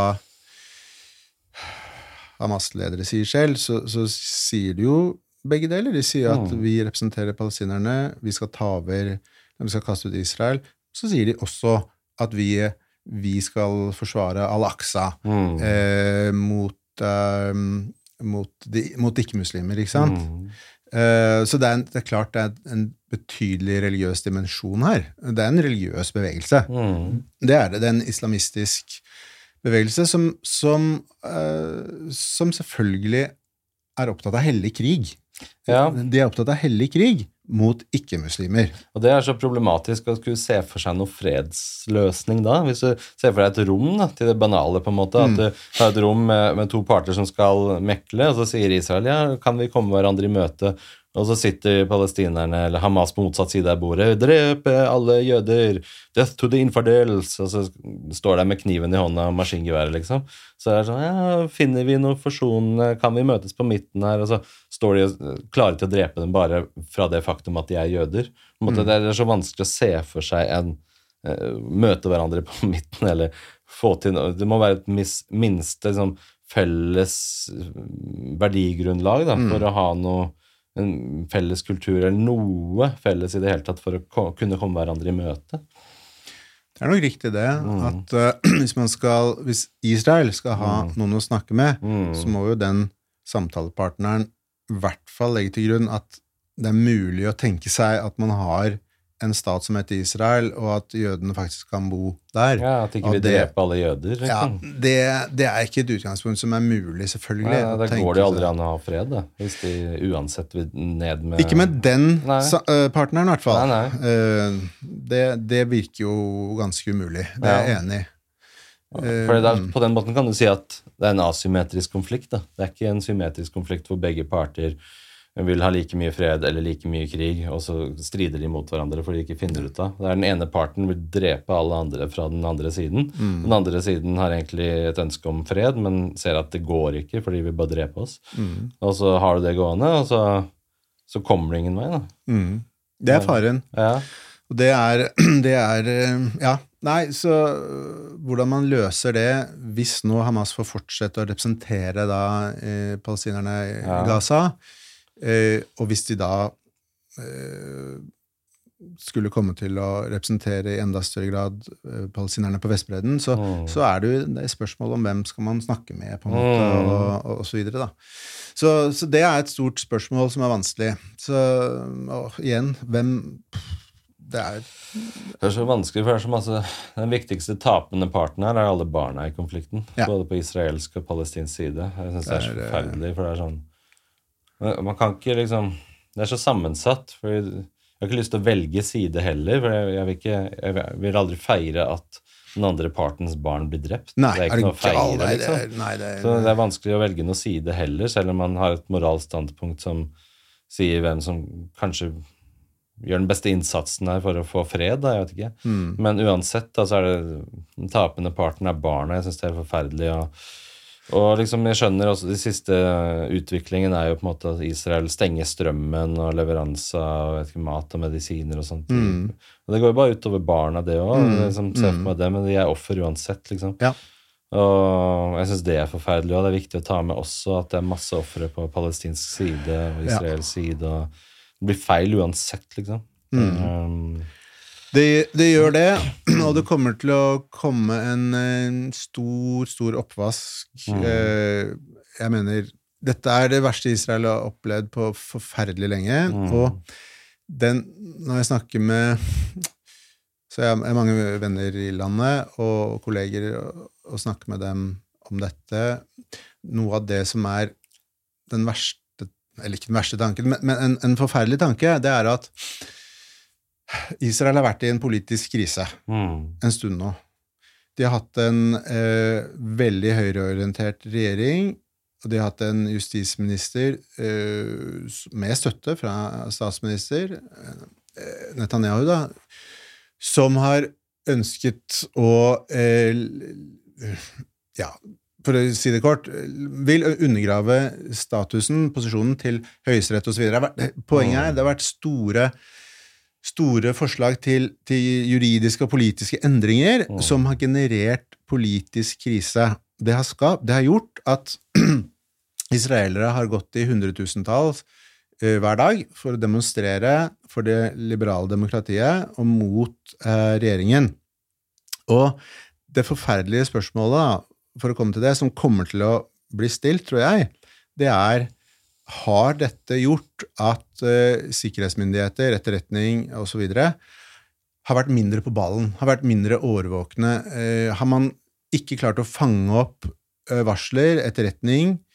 Jeg, jeg er ikke noe ekspert på, på disse tingene. Jeg, jeg er ikke- overhodet ikke noen militærekspert, så det er ikke det jeg prøver å si. Men jeg tror at det kom, befolkningen kommer til å stille disse spørsmålene. Hadde vi vært bedre beredt hvis ikke den regjeringen som vi har hatt nå, eh, som Israel har hatt nå, hvis ikke den hadde skapt den forferdelige splittelsen eh, i landet, så kanskje man hadde eh, vært bedre i stand til, til å møte den trusselen som man ikke har sett komme. Ja, det er veldig det- rart også, for Ja. så sinnssykt avansert Israel er. Har ikke et av de mest avanserte etterretningsorganene og militære i hele verden? Og med liksom hvor teknologisk avanserte de er, overvåkning og De burde jo ha sett dette her, at de planla et angrep og visste Mm. om det i mange måneder i forkant med sin allierte USA, som de er veldig gode venner med, og så vil de jo bidra med etterretningsinformasjon til dem. Og. Ja, Hvorfor klarte de ikke å oppdage dette? her? Det er veldig rart å Det, se for seg. det, det, det er det spørsmålet jeg egentlig stiller. ikke sant? Ja, ja. Hvorfor klarte de ikke det? ja. Og noe er fordi Hamas har, har eh, jobbet eh, nøyaktig og lenge, men, men noe av det kanskje også vil vise seg å være store feil, Mm. som blant annet kan komme av politisk krise i Israel. Og det vil kanskje, tror jeg, skape raseri og, og håpløshet blant israelere, og, Mm. og krav om, om politisk endring osv. Men hva Så- med, vi må inn på Iran her også. Fordi de jeg har skjønt, I starten så var det jo liksom at um, Fikk høre om at dette her er planlagt fra iransk hold, og de har hatt en finger med i spillet. Men så har jeg hørt i senere dager nå at ja, men det er jo Hamas og Palestina som sier at det var, de peker på Iran de og sier at det var dem som planla det. altså Bare flytter de skylden over på dem. Jeg vet liksom ikke hva hva slags informasjon man skal tro på til slutt. Er det, er det, er det sannsynliggjort at Iran hadde en finger med i spillet her, tror du? Eller hva, hva tenker Det, du? det var jo en, en god eh, artikkel i det var vel Washington Post, eller var det Wall Street Journal? Uh, nei, jeg tror, jo, Wall Street Journal var det som hadde den artikkelen først, som sa at uh, det var et møte i Beirut mellom, mellom eh, lederen for Irans revolusjonsgarde og eh, Hamas, og andre grupper, Hizbollah blant annet, eh, som ga grønt lys for det, påsto de i artikkelen. Basert på en del, så vidt jeg husker, gode kilder. Så har det kommet, som du sier, det kommet eh, fram at amerikanerne eksempel sier at de per nå ikke har noe bevis Mm. på, på, for at, at Iran eh, var den som satte det i gang. Eh, det betyr noe fordi Ok, iranerne ønsker ikke å, å få skylden for det. Det, Mm. det gjør de ikke. Og det er fordi at eh, Iran har vært i en eh, skyggekrig med Israel lenge, og Israel har jo sagt eh, at det er klart de vil hevne seg eh, hvis Iran har gjort dette. Ja. Hva betyr det? Nei, det, Betyr det det, er jo vanskelig å si. Eller er det mer sånn finansiell blokade? Jeg vet ikke. Det er jo allerede sanksjoner mot Iran. Mm. Men ikke sant, Israel har eh, angrepet iranske mål i, i, eh, i regionen, i Syria eksempel, Mm. eh, lenge. Sabotasje, Og, og, det, ja, og det har gått under radaren. Det er jo fordi at Israel føler at Iran forsøker å omringe dem ja. med Hizbollah i nord, i, Mm. i Libanon, ikke sant? Og eh, da eh, Ikke på samme måte med Hamas, men, men også Hamas da, i, eh, fra, fra Gaza og til dels Vestbredden. Så, så det er liksom en hel dynamikk her, hvor Iran Igjen så burde vi tilbake til tidslinjen vår, fordi dette henger jo sammen med storpolitikken. Da, da Saddam Hussein ble styrtet, eh, Irak-krigen, så fjernet man jo på en måte en slags buffer for Irans makt i hele regionen. Og det var en gave til Iran, Så nå så, inn, så Iransk innflytelse da er selvfølgelig kjempestor i Irak, uh, i Syria, eh, syrisk uh, Ikke sant? Den russisk-syriske, iranske liksom, alliansen, den, den, den, er jo der. Så, så iranerne har masse um, ambisjoner i, i hele området, hele regionen. Men samtidig så er de selvfølgelig redde, fordi de har krise på alle sider av, av landet sitt. I, i nord og i, mot Irak, mot, uh, mot Afghanistan, Balochistan, opprør, Aseri-befolkningen, Aserbajdsjan, det er et problem. Altså, hele Iran har jo en randsone som, som er problematisk. Så det jeg prøver å si, er at Iran er redd for en krig. Det tror jeg. Jeg, igjen, jeg er ikke Iran-ekspert, men jeg, det, det jeg forstår, er at Iran ikke ønsker krig, men de ønsker å skade Israel gjennom stedfortredere mm, så mye de kan. Mm.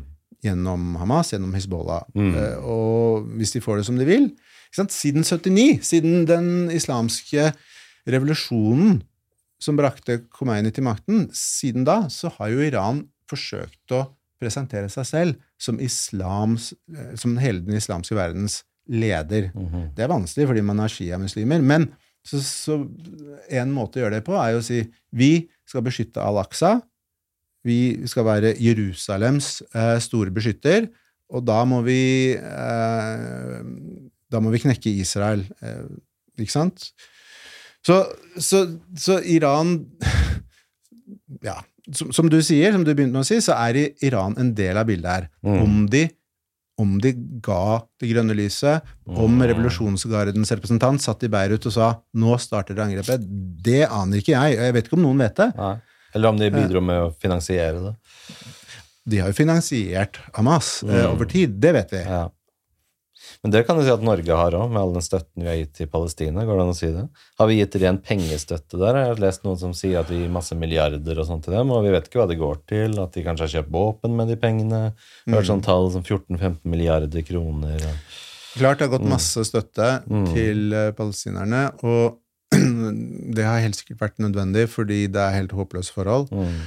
I hvilken grad det er mulig å skille mellom å si at disse pengene mm. brukes til humanitær hjelp eller til, til sykehus, eh, medisiner eh, Og lage sånn eh, mm. brannskille ja. mellom de pengene og de pengene som brukes til militær altså, terrorvirksomhet? Mm. Jeg, jeg, aner ikke. Eh, jeg skulle gjerne visst mye mer om det, men, eh, men det Litt sånn å tenke seg det, Hvis jeg bare spekulerer, så virker det jo ikke som Hamas bryr seg så veldig mye om befolkningen sin. Og hvis de ikke gjør det, så kanskje de bryr seg mer om våpen, og tenker de kanskje ja, vi tar 90% av de pengene til å mm. kjøpe mm. våpen. Det var min spekulasjoner, men mm. Mm. det er viktig tror jeg, hvis man gir bistandspenger, å vite hva det går til. Kanskje det hadde vært bedre hvis vi gir bistand, gir faktiske ting, gir medisiner, gir konkrete ting, da, istedenfor rene penger, i så fall. Mm. Uh, men Iran, også Hizbollah, hva er egentlig Hizbollah for noe? Hva, er, eh, hva slags organisasjon er det? Igjen så er det jo mange du heller burde snakke med enn meg, da. Ja, For jeg er ikke liksom, uh, Nei, det er jo en bred shia-islamsk bevegelse uh, med mm. utgangspunkt i Libanon, mm. som oppstår på mange måter i konflikten som, som Israel har med Libanon, da. Mm. så så, sted, så i, på mange måter så er det blitt en stat i staten da, mm. i, i Libanon. Styrer mye av av eh, det libanesiske samfunnet. Og, og, er, og er altså, altså, Hvis du snakker om Hizbollah det er jo en mye større og farligere organisasjon enn Hamas. Er det det? Ja, ja. Så det virker som de er på Hamas sin side nå også, eller er det, ja, er det frykt det er for, for, for, angrep der også mot Israel? Det er en stor frykt. Ja. Og Hizbollah er i mye større grad enn Hamas en global organisasjon. Det. De har store økonomiske interesser. De eier bedrifter i Sør-Amerika, i Sørøst-Asia, i Nord-Amerika Altså i hele verden. Det blir en skikkelig kruttønne hvis de blander seg inn? Og... Ja, altså de har vært Altså Hizbollah har jo Hamas de har jo primært som operasjonsområde Det, det er jo Gaza, Israel, altså den mm. regionen. Hizbollah er en global organisasjon mm. som har hatt både faktisk angrep og, og eh, planer om angrep på både jødiske og israelske interesser osv. i hele verden. Og hvilke land er det som støtter Hizbollah? Er det de samme som støtter Hamas? da, eller? Det er jo Iran. Iran, ja, stort sett. Ja. Men eh, vi må inn på bare Russland også. Er det sånn, Russland og Iran er jo gode kompiser. Det er det. Er det- De er bedre venner enn de har vært noen Eh, gang. Ja, ja. Så kan man tenke seg at i Russland fører en proxy-proxy-krig med Russland, deretter Iran, deretter Hamas, på en måte. At det går Mm. hele veien via det. At, ja. Det er et spørsmål som jeg tror alle mm, har stilt seg. mm, Så tror jeg ingen kommer til å kunne svare på det, fordi for det er ingen som påstår at eh, Kreml på en måte har hvisket med Hamas om at eh, nå kan dere angripe. ja. Men at eh, Hamas-ledere har vært i Moskva på besøk, det vet vi jo. Um, eh, at, og så vet vi at eh, russerne tjener på at vår oppmerksomhet går mot Midtøsten. Ja, istedenfor Ukraina, Ukraina. Mm. Det er ikke noe tvil, det er vel ikke så mange som tviler på at uh, Putin syns dette var veldig liksom, godt timet fra Ja. hans perspektiv. Mm. Uh, det tror jeg man kan si. Mm. Og den Irans Den der alliansen mellom Iran og Russland, den, den er jo Jeg syns jo den er skummel, personlig, for Ja, ja. det er jo de mest brutale statene som Ja, Ja, det det er- har jeg lyst til å prate om. altså Bare zoome ut fra det mikro- til makroperspektivet her. Mm. Kan vi se liksom Er det fare for at dette kan blusse opp noe enda større?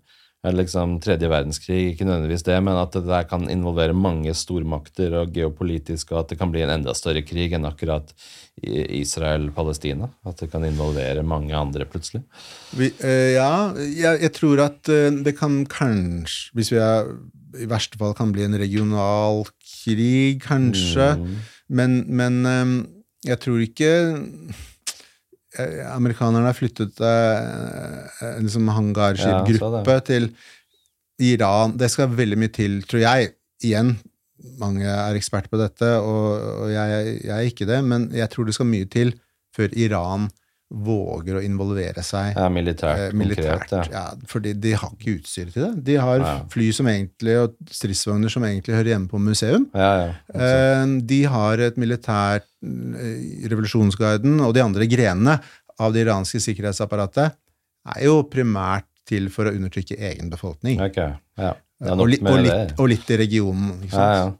Eh, og så har du da eh, Jo, uh, før dette her så var i Israel og Saudi-Arabia var jo på vei til å ha noen gode samtaler Ja, og det bli er venner. Godt poeng du kommer med der, og det hører også inn i tidslinjen vår. Mm. Fordi hvis vi ser på Vi snakket litt i stad om at Oslo-avtalen gikk i vasken. Mm. Eh, Det ble vold. Men, men det som har skjedd som er positivt, det er jo at i de seneste årene så har mange av de, de arabiske statene, altså Gulf-landene, spesielt Emiratene, eh, veldig viktig, og en del andre stater, de har, de har eh, de har Israel, inngått, eh, inngått eh, Åpnet diplomatisk forbindelse med Israel.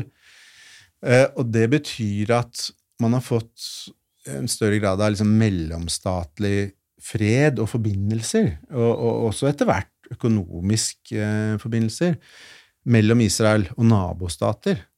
Og det har vært viktig um, for um, Ja, altså og, Noe av drivkraften bak det er jo selvfølgelig at Israel har ønsket det eh, og har jobbet diplomatisk for det, men også fordi stater som Emiratene og andre, og andre land, de, de, de tenker at denne Palestina-saken, som har pågått så lenge, den, den fører ikke noe sted hen. Og, og, det, og, det, å, og det å liksom ikke ha noe forhold til Israel på grunn av den, det, det er ikke i deres interesse. De, de, Israel er kommet for å bli, det er en sterk stat.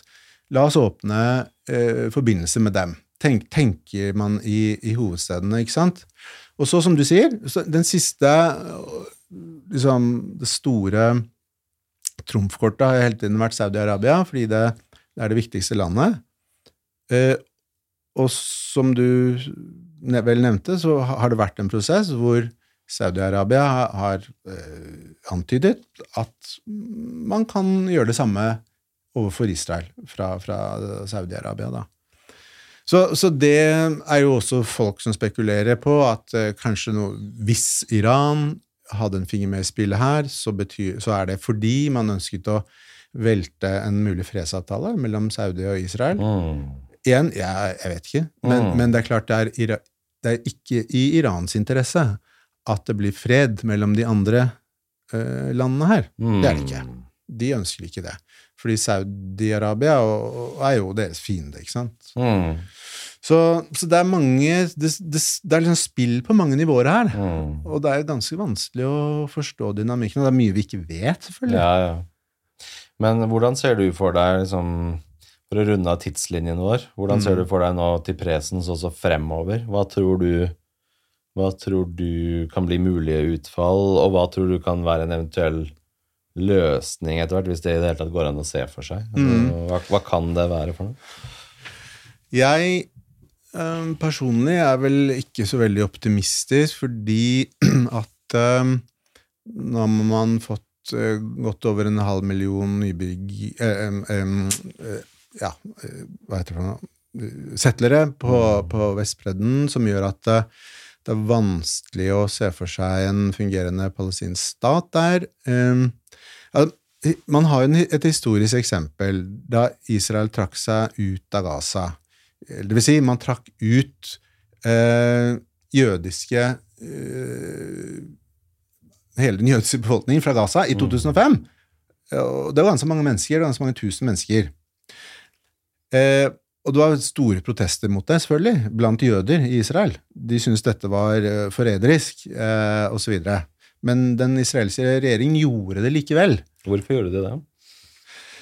Nei, pff, ja, nei dette var Sha- Sharon, Ariel Sharon som gjorde det. Han, han var en hauk, mm. så, så han gjorde det ikke for å være snill. Mm. Det er helt sikkert. Man, man gjorde det fordi at det var vanskelig å, å holde orden på det. Man, var vanskelig å eh, passe på disse menneskene, og, og fordi Helt sikkert eh, en, en slags forsøk på, på å lage orden, altså overgi Gaza til, eh, til palestinerne og se om man kunne få til en eller annen form for sameksistens. Mm. Eh, det som da skjedde, som vi snakket om i stad, var at Hamas eh, vant valget osv. Det er den andre historien. Men grunnen til at jeg nevner det, er at det er en slags presedens for å trekke nybyggere, eller settlere, eller hva vi skal kalle dem, jøder på palestinsk område, trekke dem vekk. Det vil ikke være mulig vest, fra Vestbredden, fordi det er for mange. Det er, det er eh, for sterke krefter. Mm. Så hva man gjør med det, det det aner ikke jeg, men det er i hvert fall sånn hvis, hvis jeg var israeler, så ville jeg i hvert fall håpe på at jeg fikk en, en mer ansvarlig og bedre og mer stabil regjering etter Nå er vi inne i en liksom tunnel av mørke med, med forferdelig Med en forferdelig hendelse, massakrer, og nå med reaksjonene på det fra Israel. Eh, i, I liksom når, når dette i framtiden eh, begynner å roe seg, eller når, når dette, denne første fasen er over, så vil jeg i hvert fall tenke at det forhåpentligvis skjer noe politisk i Israel som gjør at man får en regjering som er bedre i stand til å, til å tenke konstruktivt eh, på dette problemet, på konflikten. da. Eh, hvem det skal være, og hvordan det skal være, det har jeg- ingen idé om. Men, eh, men regjeringen som, som har vært til nå, under Netanyahu, har jo eh, gjort veldig mye galt, sånn som jeg ser det, da. Mm. Uh, ja. Hva slags gale ting har de gjort? Sånn, uh... Eh, når, når det gjelder akkurat konflikten, så, så er det jo det at man eh, har eh, ikke forsøkt å begrense viderebygging på, på Vestbredden, ja, for det er ofte viktig. argumentet at, de, at israelerne okkuperer områder som er Ja. Det, har vært veldig, det, det, har vært, det har vært mye snakk om at det har vært øh, at, sant, palestinernes og nå, nå snakker vi om Vestbredden, nå snakker vi om Gaza lenger, da. Mm. At palestinernes levekår har blitt dårligere, og at eh, noe av reaksjonen har vært disse nye militante gruppene, eh, ikke nødvendigvis bare Hamas, men andre mindre og nyere grupper, som har eh, angrepet, angrepet eh, jøder osv., og, og veldig kraftige reaksjoner både fra, fra settlere, eller sant, fra, fra nybyggere, men, men også fra det israelske forsvaret. Eh, så man har hatt mye konflikt eh, på Vestbredden i det siste. Eh, og så er det veldig person... det handler om personer òg, ikke sant? Hvis du ser på en del av persongalleriet i den regjeringen som Netanyahu har laget, så, så er det jo ganske ekstreme folk, da. Det er jo uh, type Ben Gvir, Smotrich osv. Dette, dette er jo folk som er ekstremt langt ute på høyresiden, og som har veldig lite til overs for snakk om palestinske rettigheter osv. Det, det er helt åpenbart. Og så, som vi snakket om i stad, så, så, har man jo virkelig skapt en, en, politisk krise ved å forsøke å gjennomføre disse reformene. Mm. Er delte meninger om altså, Høyesterett i Israel er kanskje Igjen, jeg er ikke israeler, så akkurat det er, ikke, det er jo ikke min kamp, men, men, men noen mener at Høyesterett har hatt for mye makt. Uh, og derfor skal man reformere eh, liksom, det juridiske, Høyesteretts posisjon osv. Uansett, resultatet har vært en politisk krise som, som både har gått utover israelere og, og um, antageligvis hvordan man har behandlet palestinere på, på Vestbredden. Da.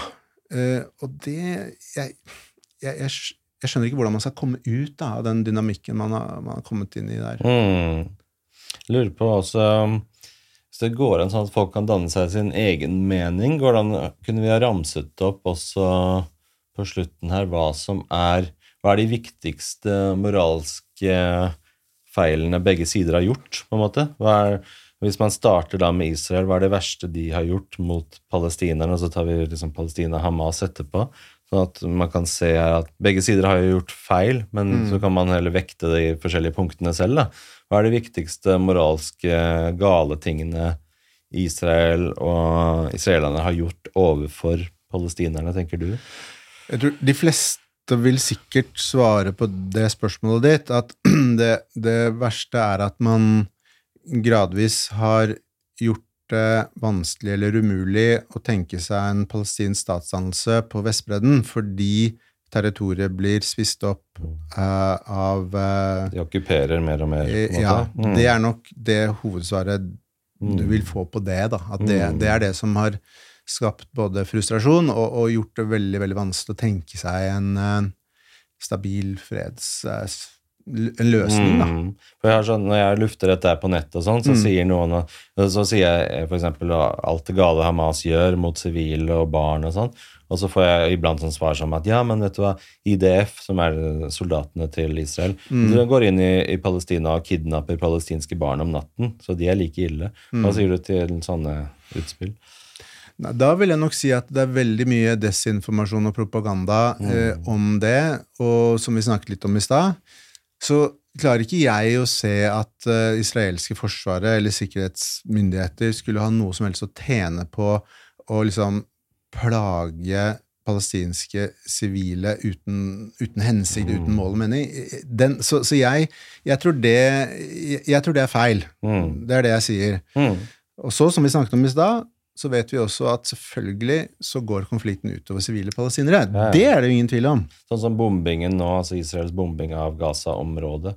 Den vil jo nødvendigvis treffe sivile også. Og, ja, det vil den. Det er nesten det er umulig. Det er så tett befolket, liksom, som, mm. som, de er to millioner, eller hva det er, pakket inn på mm. litt område. Så det vil jo treffe sivile. Det vil den. Så det, det er jo uansett feil å drepe sivile, tenker jeg, i alle kriger. Men jeg vil også legge til selvfølgelig er det vesensforskjell på å gjøre det som dessverre er en resultat av krig, versus å gjøre det overlagt med hensikt om å drepe sivile. tenker jeg er en moralsk forskjell. Dette snakket vi om i stad, og mm. du har rett i det. Det er en mm. stor, stor moralsk forskjell. Mm. En av tingene jeg gjorde da jeg var, mm. var på Blindern, det var at jeg, jeg hadde eneste kurset jeg vet om på masternivå om krigens etikk mm. i verdensreligionene. Ja. Så det hadde jeg i mange år. Ja. Og, og, det vi snakket mye med student, eller det jeg snakket mye med studenter om, var jo nettopp hvordan forskjellige religiøse tradisjoner forstår den type dilemmaer du snakker om her. Mm. Eh, hvordan ser man på angrep på sivile? Hvordan ser man på intensjonen bak? Mm. Og det du sier, er jo helt riktig. Altså, det er en stor forskjell på en militær operasjon hvor man forsøker å unngå sivile tap, Mm. eh, og hvor man tar forholdsregler for å unngå sivile tap, men hvor sivile tap likevel går tapt som en bieffekt. Det er en stor forskjell på det, og det å gjøre sivile til mål direkte i en krig. Og, og det, er ikke, det er ikke bare moderne militære eh, organisasjoner som mener at det er en forskjell. Det, det vil du finne i alle religiøse tradisjoner. Mm. Eh, I islam og i kristendom og, og så videre og så videre. Mm.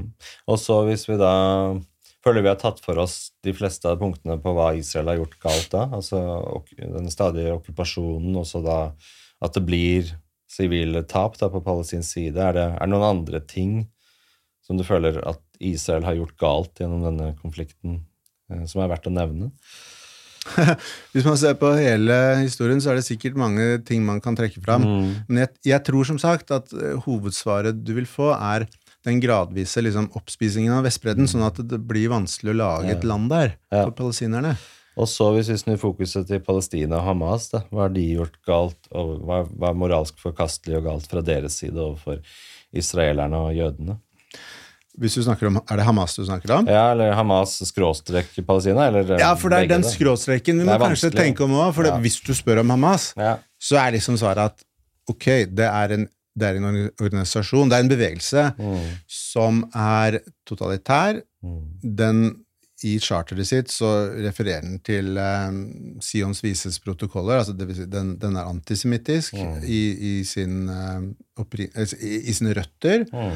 Eh, den er ekstremt voldelig, eh, osv. Så, videre, og så, så Så det å diskutere hva har Hamas gjort som er galt og riktig, det, det er litt vanskelig, fordi det er Ja, ja. altså, du, du sammenlignet med IS og Al Qaida i stad, Mm, ja, og det er forskjeller, men, men det er ikke en irrelevant sammenligning. Mm, ja, ja, jeg tenker at de virker, i hvert fall sånn som de har fremstått nå. Mm. Så jeg har ikke visst så mye om dem fra før, men når jeg ser hva de har gjort, spesielt de ekte brutale bildene som jeg har sett på Twitter og X og sånn, Mm. så er det jo, det er jo IS på en måte, bare under et annet navn. Det er ikke noe forskjell. Mm.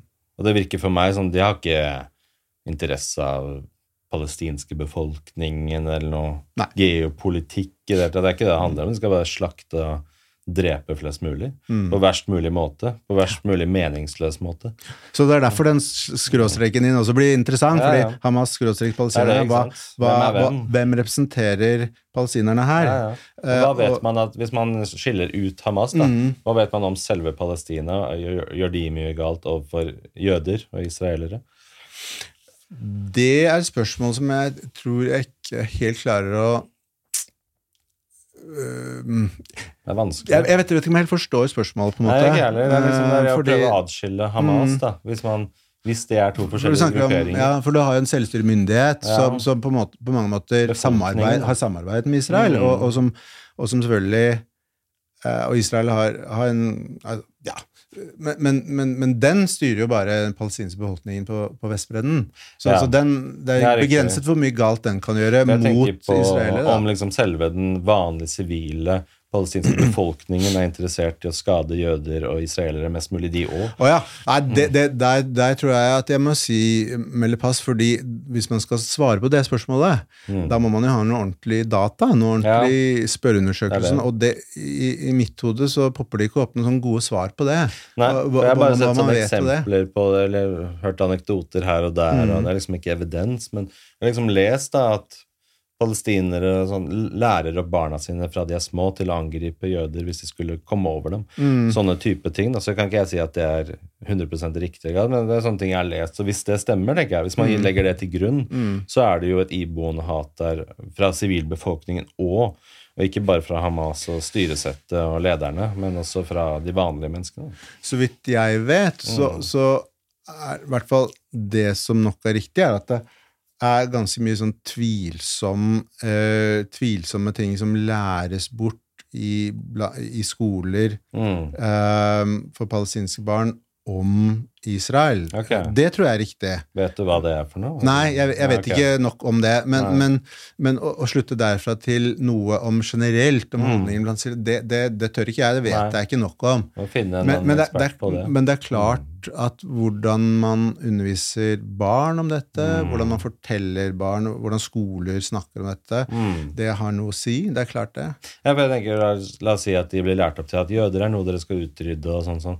Så med forbehold, jeg vet ikke dette, jeg bare spekulerer. Jeg bare sier at Hvis det er sånn, Mm. så, vil jo, så har du jo også sivilbefolkningen som en fiende overfor Israel og, og jøder. Det jeg vet, er at det er Det fins det fins noen studier på det. Mm. Eh, Det vet jeg. Jeg har sett referanser til det, og jeg har lest noe om det, men jeg, jeg husker ikke Nei, nei. detaljene i det. Nei. Eh, og det er klart det er relevant, det, Mm. det du sier. Ja, ja. Eh, Det, er, det er viktig.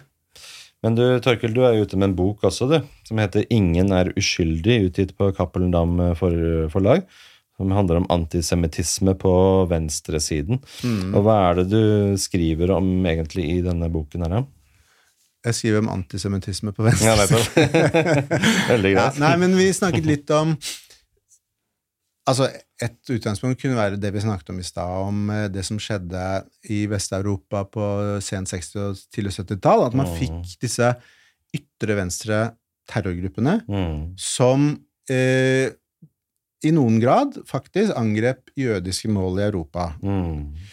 Eh, poenget med boka er jo jeg, Den boka uh, har fått en del kjeft, Mm. eh, fått også masse støtte fra, fra noen hold, da.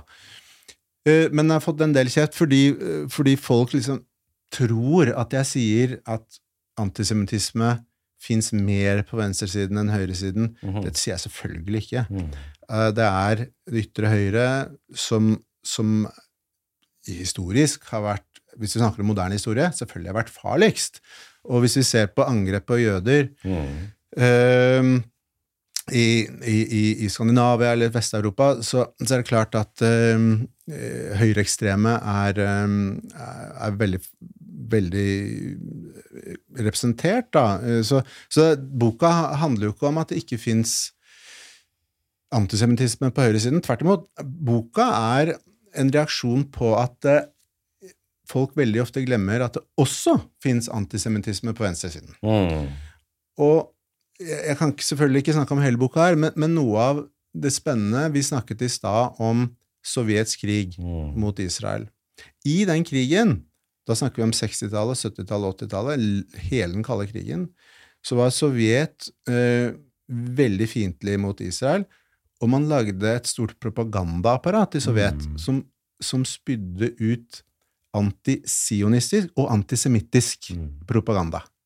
Og øh, det vil si, altså, liksom, lederen for den kommunistiske verden var antisemittisk. Sovjet var, var det.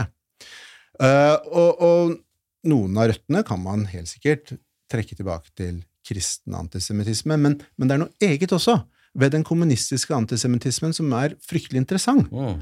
Og den forsøker jeg å beskrive Ja. i boka her. Og den tror jeg ofte har gått litt under radaren. Ja, den skal jeg lese, altså.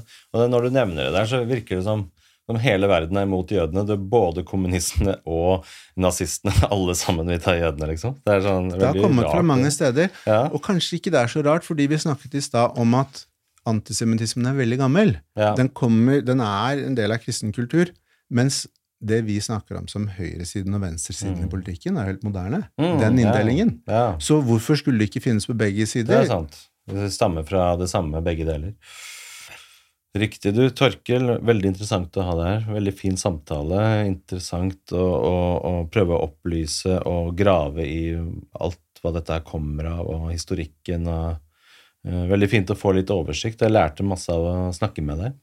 Takk for det. Det var Mm. veldig hyggelig å være her. Og så har vi snakket om vanskelige ting, og det er Mm. sikkert mye vi har sagt som mange kommer til å være helt uenig i. Helt. Men jeg syns det var en veldig spennende samtale. Så bra.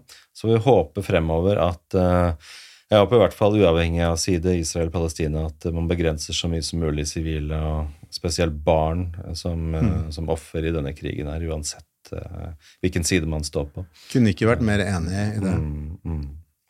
Tusen takk for i dag, og tusen takk til dere som har både sett på og hørt på denne episoden.